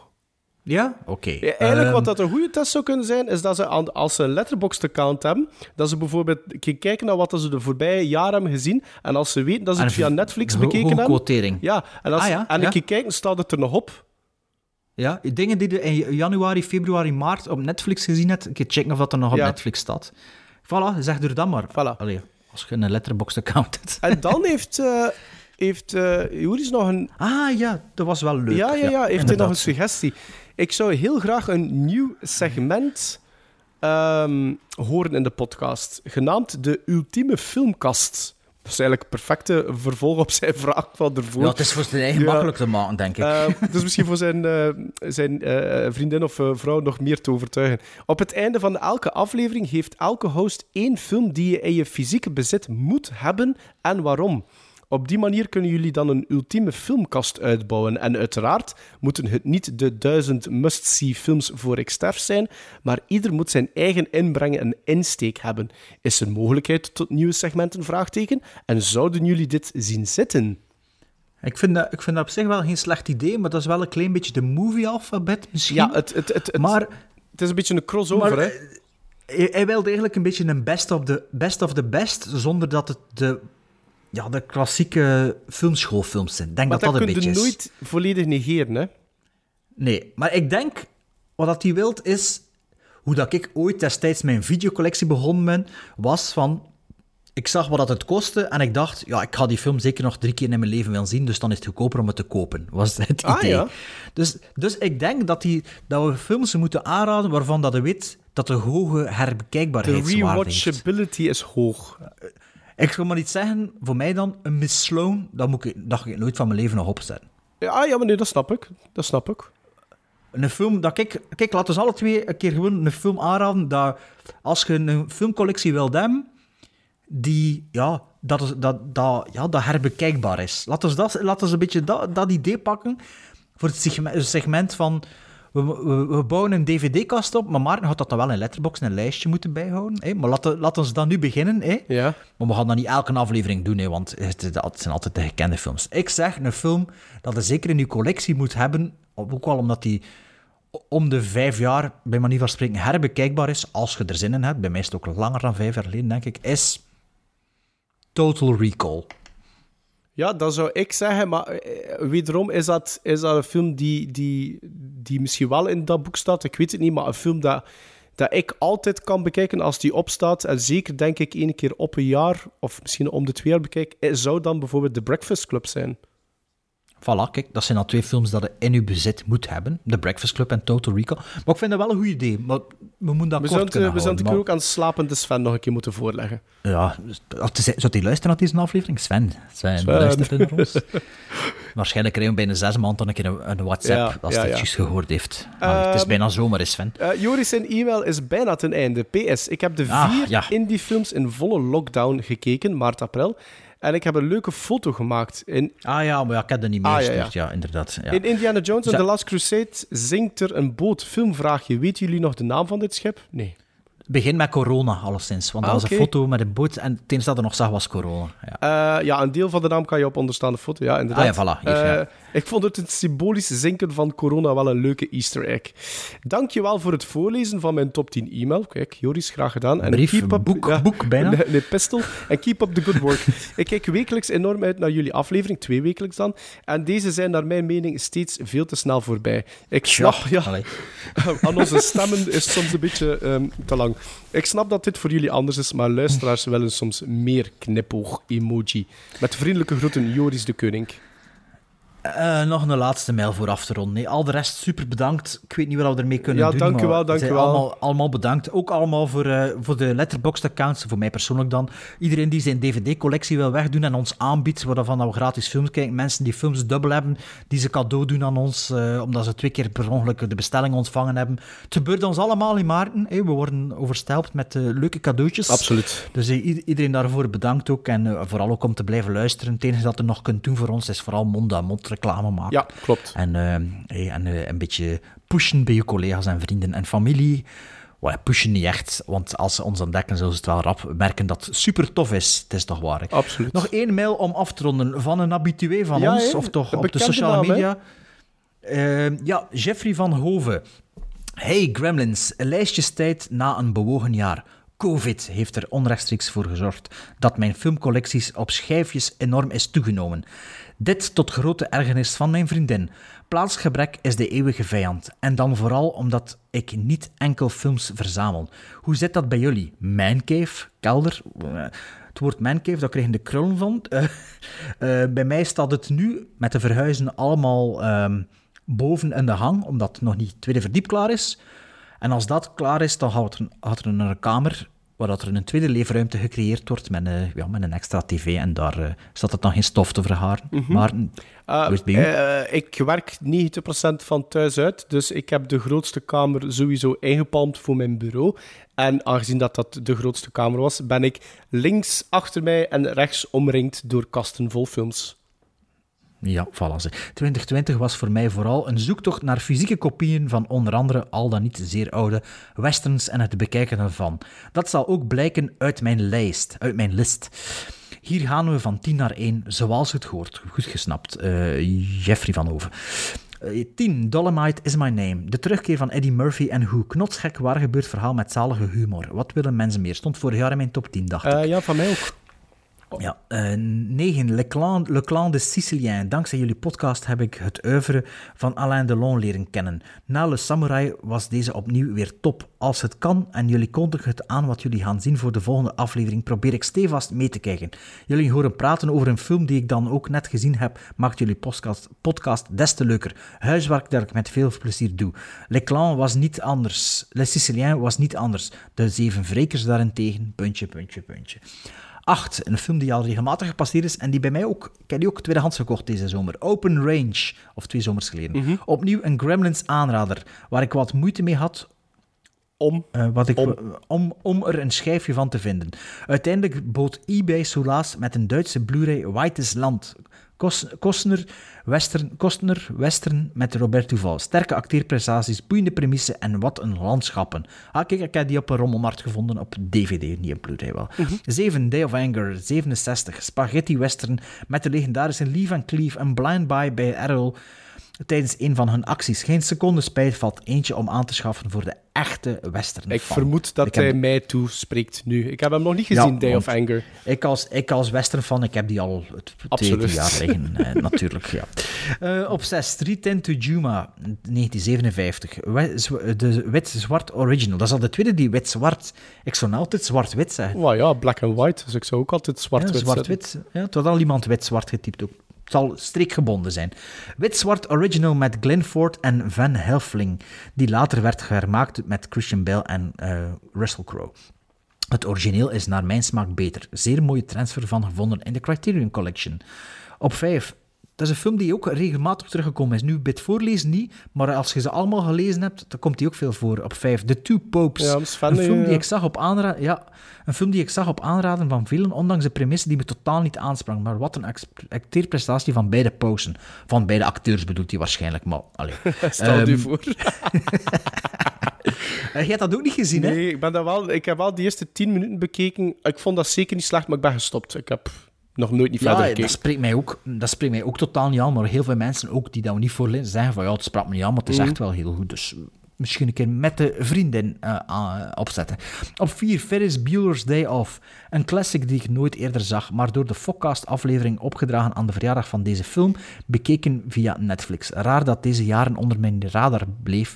Nu ben ik op zoek naar een kopie voor de collectie. Ja, die, die Fokcast specials, dat komt ook wel regelmatig terug bij Ja. ons. Dat er eh, mensen zo films ontdekken. Ah, hier op drie. The Last Dragon, 1985. Who's the Master? Sho- Shonuff. Shonuff. Show enough. Een, eh, een 80s blaxploitation martial arts movie met een run-of-the-mill verhaal. Maar de sfeer, stijl en karikaturale personages maakten alles goed. Beter nog, ik werd geïnspireerd om er eens een actiefiguur van te maken. Ja, ehm ding is, ehm, Jeffrey doet dat, hè? Zo van Ja, die maakt customized, eh, eh, customized action figures. Hè. action figures. hè. Dit leidde tot een zeer mooie samenwerking met de, de jullie gekende, wel gekende Rob Kronenborgs. Ja. Ja. van de aflevering een mail van, van... En kijk, en ik denk dat de volgende film misschien ook wel door Rob Kronenbergs in zijn top 10 zat. Of je is al sinds al gepasseerd. Hij is Nee, gepasseerd. Nick Dowman. Nick Dowman had die ja. staan. Want dat is dezelfde regisseur van de Valhalla Papers. Op 2, Red Sun, 1971, Gunslingers vs. Samurai. Een topcast met onder andere Charles Bronson, Alain Delon en Toshiro Mifune. Wat was me dat een ontdekking. Duimen en vingers afgelekt in deze Franse western. Eh, en ik, denk, ik dacht dat Sven dat ook al een keer vermeld had. Maar het was misschien Jeffrey dat me destijds een bericht gestuurd heeft. Of ik weet het niet meer. Of iemand anders. En op één, Once Upon a Time in the West. Hoe kan het ook anders dan dat deze parel op de eerste plaats staat na dit westernjaar? Een 2019 nieuwjaarscadeau van de schoonouders. Eentje dat nog vaak herbekeken zal worden. Zo, dat was er nog. Enkele honorable mentions die net de lijst niet haalden zijn Creed 2, High Plains Drifter, Wind River, The Professionals, toch iemand die er wel enthousiast over was, en Zodiac. Over die laatste was ik enorm verwonderd over Sven zijn lage quot- quotatie op Letterboxd. Routen en de prettige feesten. Jeffrey van Oven, at Jevaho Creations op Instagram en Letterboxd. Dat is- en dat is- waar je en dat is dus- zijn poppetjes kunt zien, hè. Ja, en dat is dus door Jeffrey dat ik nu weet dat ik Red Sun in mijn bezit heb. ik ik heb die nog altijd niet bekeken. Ah, dat is dan eentje voor te bekijken. Ja. Hè. Misschien, misschien volgend jaar, de laatste ja. week van december. Hè. Dat heeft alweer Vanaf al januari, ontdekt. Vanaf hè. En januari. ik, ja, dus nu is het nog 2020 om eh, onze volgende lijst. Ja, We gaan ermee stoppen, We hè, gaan Bart. We gaan, we stoppen, want ik kan niet meer. 2 uur en 11 minuten. Ik weet nu wel dat zal eens van een van onze minst beluisterde afleveringen zijn. Want ja, we kunnen moeilijk een omschrijving doen en niet verklappen dat het lezersbrieven zijn. Het is, het is wel de Eh. eerste keer dat we een kerstspecial. Dus het is eigenlijk ons cadeautje. Eigenlijk, Het is een extra, hè. het is eigenlijk voor jullie te bedanken, hè, want de content hebben jullie gemaakt. Het is door jullie inzending van jullie Ja. lijstjes. Het enige dat we gedaan hebben is gewoon alles achter elkaar geplakt. Ja. En voor de rest hebben we er niks aan voorbereid. Dus onze- en ik, onze- zal, ik zal het zelfs niet monteren. Onze oprechte spijt, want er zijn nog, ik denk, als ik even kijk waar dat mijn cursus staat, we zitten halverwege, denk ik, het aantal brieven dat we gekregen hebben. Dus het was Ja. onmogelijk om alles te doen, maar toch bedankt aan iedereen. Nee, ik hoop, ik hoop wel dat we nog wat mooie statistieken hebben. En misschien mijn Ah, eh, kan, dat, kan, dat, kan dat ook in eh, grafiekjes schieten en zo. Maar ze, ze heeft wel druk op haar werk, maar dat doet ze dus op haar werk ook. Dus misschien dat ze dan, als we de, de cijfers hebben, er mooi grafiekjes van kunnen maken voor onze sociale media. En sowieso bespreken we dat in de volgende aflevering. eh houden we dan nog even aan. Hè. Ja, Hè? Of niet? goed idee. Dus dat was de Goed echte laatste aflevering van 2020. Hè. We hadden jullie wat gefopt, want we wisten al bij de vorige aflevering dat we dat toch nog gingen doen. Ehm, maar kijk, het is laat genoeg geworden. Ik, ik ga nog proberen te monteren voor ik naar mijn bed ga. Alles in kat onder elkaar zwieren en zorgen dat het klopt. Een liedje voor en een liedje einde. En eh, dat zal het zijn. Dus alle krakjes en smekjes en hoestjes en, en pies, piesjes en eh, eh, vrouwen die binnenkomen en passeren. laptops die aangesloten worden. Het zit er allemaal in. Champagnekurken die eens- ontpopt worden. Zo, zo hoor je eens hoeveel werk ik effectief steek om het allemaal op te kuisen. Of Maarten ook, als Maarten monteert. Maar kijk, dit was een beetje raw dogging, hè, zoals ze dat dan doen. Ehm, ik weet niet, de volgende aflevering zal misschien nog een weekje later zien. We moeten nog bekijken. nog want, zien. eh, het waren drukke weken en eh, het zijn nog drukke... Ja, druk montage worden ook. Dus eh, we zien wel. En eh, in elk geval, hoe einde jaar nog. En eh, ja, kerstdag is, is bezig. Hè, dus eh, een zalig kerstfeest.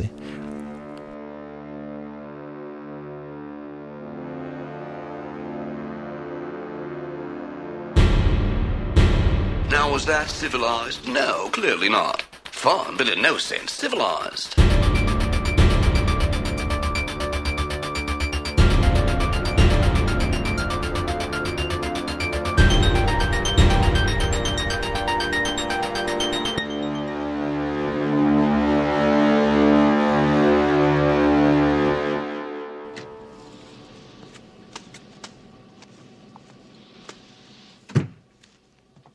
Merry New Year! Happy New Year. In this country, we say Happy New Year. Thank you for correcting my English, which stinks. I am Nanja Ibuko, exchange student from Cameroon.